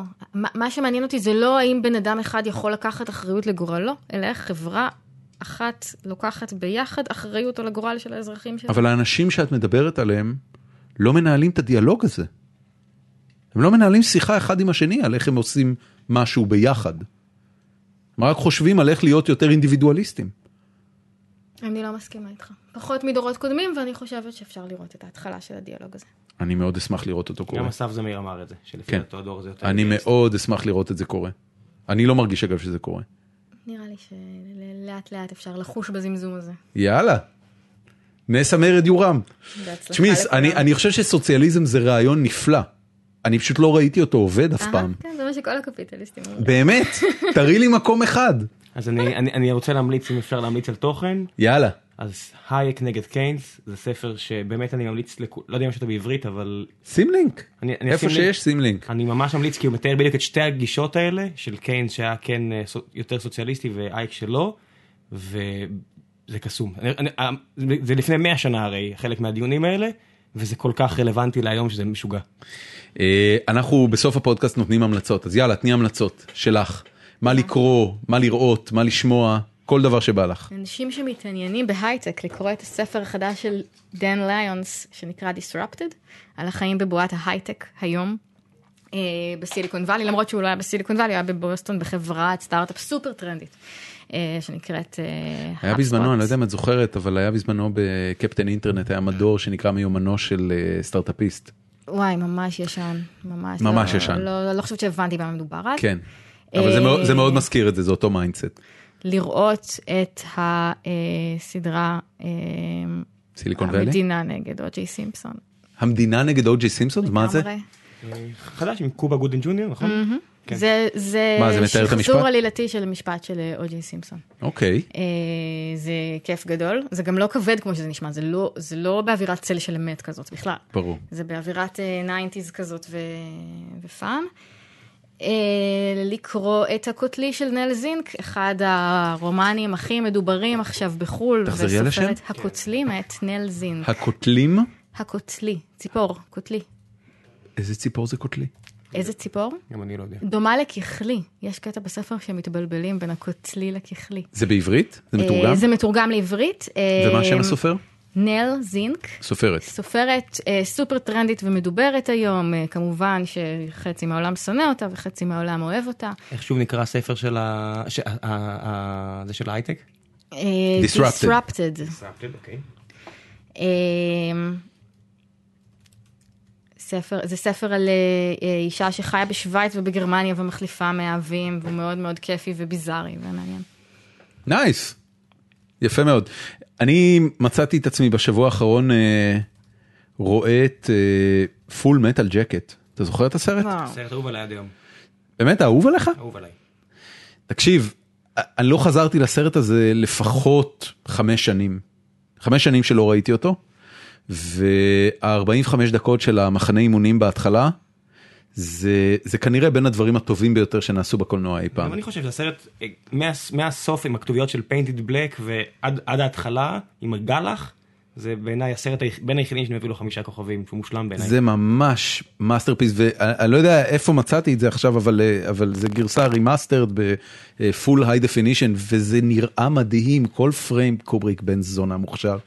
יא אללה. איזה בן זונה מוכשר והשחקן שמשחק את. ה drill sergeant לא ג'וקר בסדר מתיו מודין אבל אחרי זה היה בסרט עם אה, מל גיבסון שהוא נראה אותו דבר 15 שנה אחרי זה. נכון. הוא, משחק, תקשיב, הוא כל הסרט, כל, הסצנות שלו, הוא צועק. כן. עכשיו, מה זה צועק? אני מסתכל על הדבר הזה, אני אומר, אם הוא היה צריך לבלות ככה ימי צילומים שלמים, איך, אתה מצלם, איך אתה מצלם כאילו כל כך הרבה ימים הוא רצוף? היה באמת drill הוא היה sergeant drill בווייטנאם, sergeant, כן. כן. אבל זה, זה, את, את ראית את פול מטל ג'קט? כן, אבל אני לא זוכרת כלום. חובה לחזור לסרט באמת, הזה. זה, זה הכל בתוך איזו עיסה של סרטי מלחמה. חובה לחזור לסרט הזה בתור בן אדם בוגר. זהו, זה... זה עם כל הדיבורים עכשיו על מיליטריזם ואמץ אה, אמץ חלל וכל אז זה. ויש את המשפט שהייתי אומר לבנט שהמתים יודעים רק דבר אחד, עדיף להיות בחיים. כן, כן, כן, זה, זה, זה פשוט סרט נפלא, אז זה דבר אחד שחזרתי עליו. דבר שני, הייתי בסוף שבוע ב... עם הילדים במקום שנקרא הכפר האינדיאני במושב אבני איתן.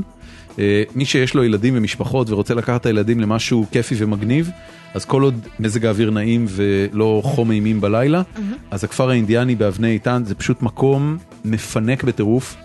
אה, לא יקר כל כך, ובעיקר יש להם ארוחת בוקר שהייתי בשוק ממנה. את רגילה לארוחת בוקר במקומות כאלה שזה אה, ביצה קיבוצית וקוטג', וזה היה פשוט ארוחת בוקר ברמה גבוהה. מה עושים שם אבל חוץ מלישון? אה, זה קמפינג, זה אתר קמפינג. אה, עושים שם קומזיצים ויש אה, אה, נחל ליד זה עם מפל, אז אפשר לעשות כאילו מסלול נורא מגניב גם. עם ילדים. אני שומעת את זה ואני רק חושבת איזה באסה זה ילדים. והמפל למטה כאילו יש לו בריכה משגעת, היה, היה פשוט כיף, היה פשוט כיף. זהו. אנחנו היינו גיקונומי, אה, צליל אברהם המון תודה שבאת. תודה רבה. את אה, נפלאה ונהדרת וכנראה צפויה לך קריירה נפלאה ונהדרת לא פחות. הלוואי. תכתבי גם ספר, אנחנו כן, נקרא. תכתבי ספר ו... אשתדל. ו... ותתפקדי למפלגות בחזרה. אה, זהו, אנחנו היינו גיקונומי, יאללה ביי.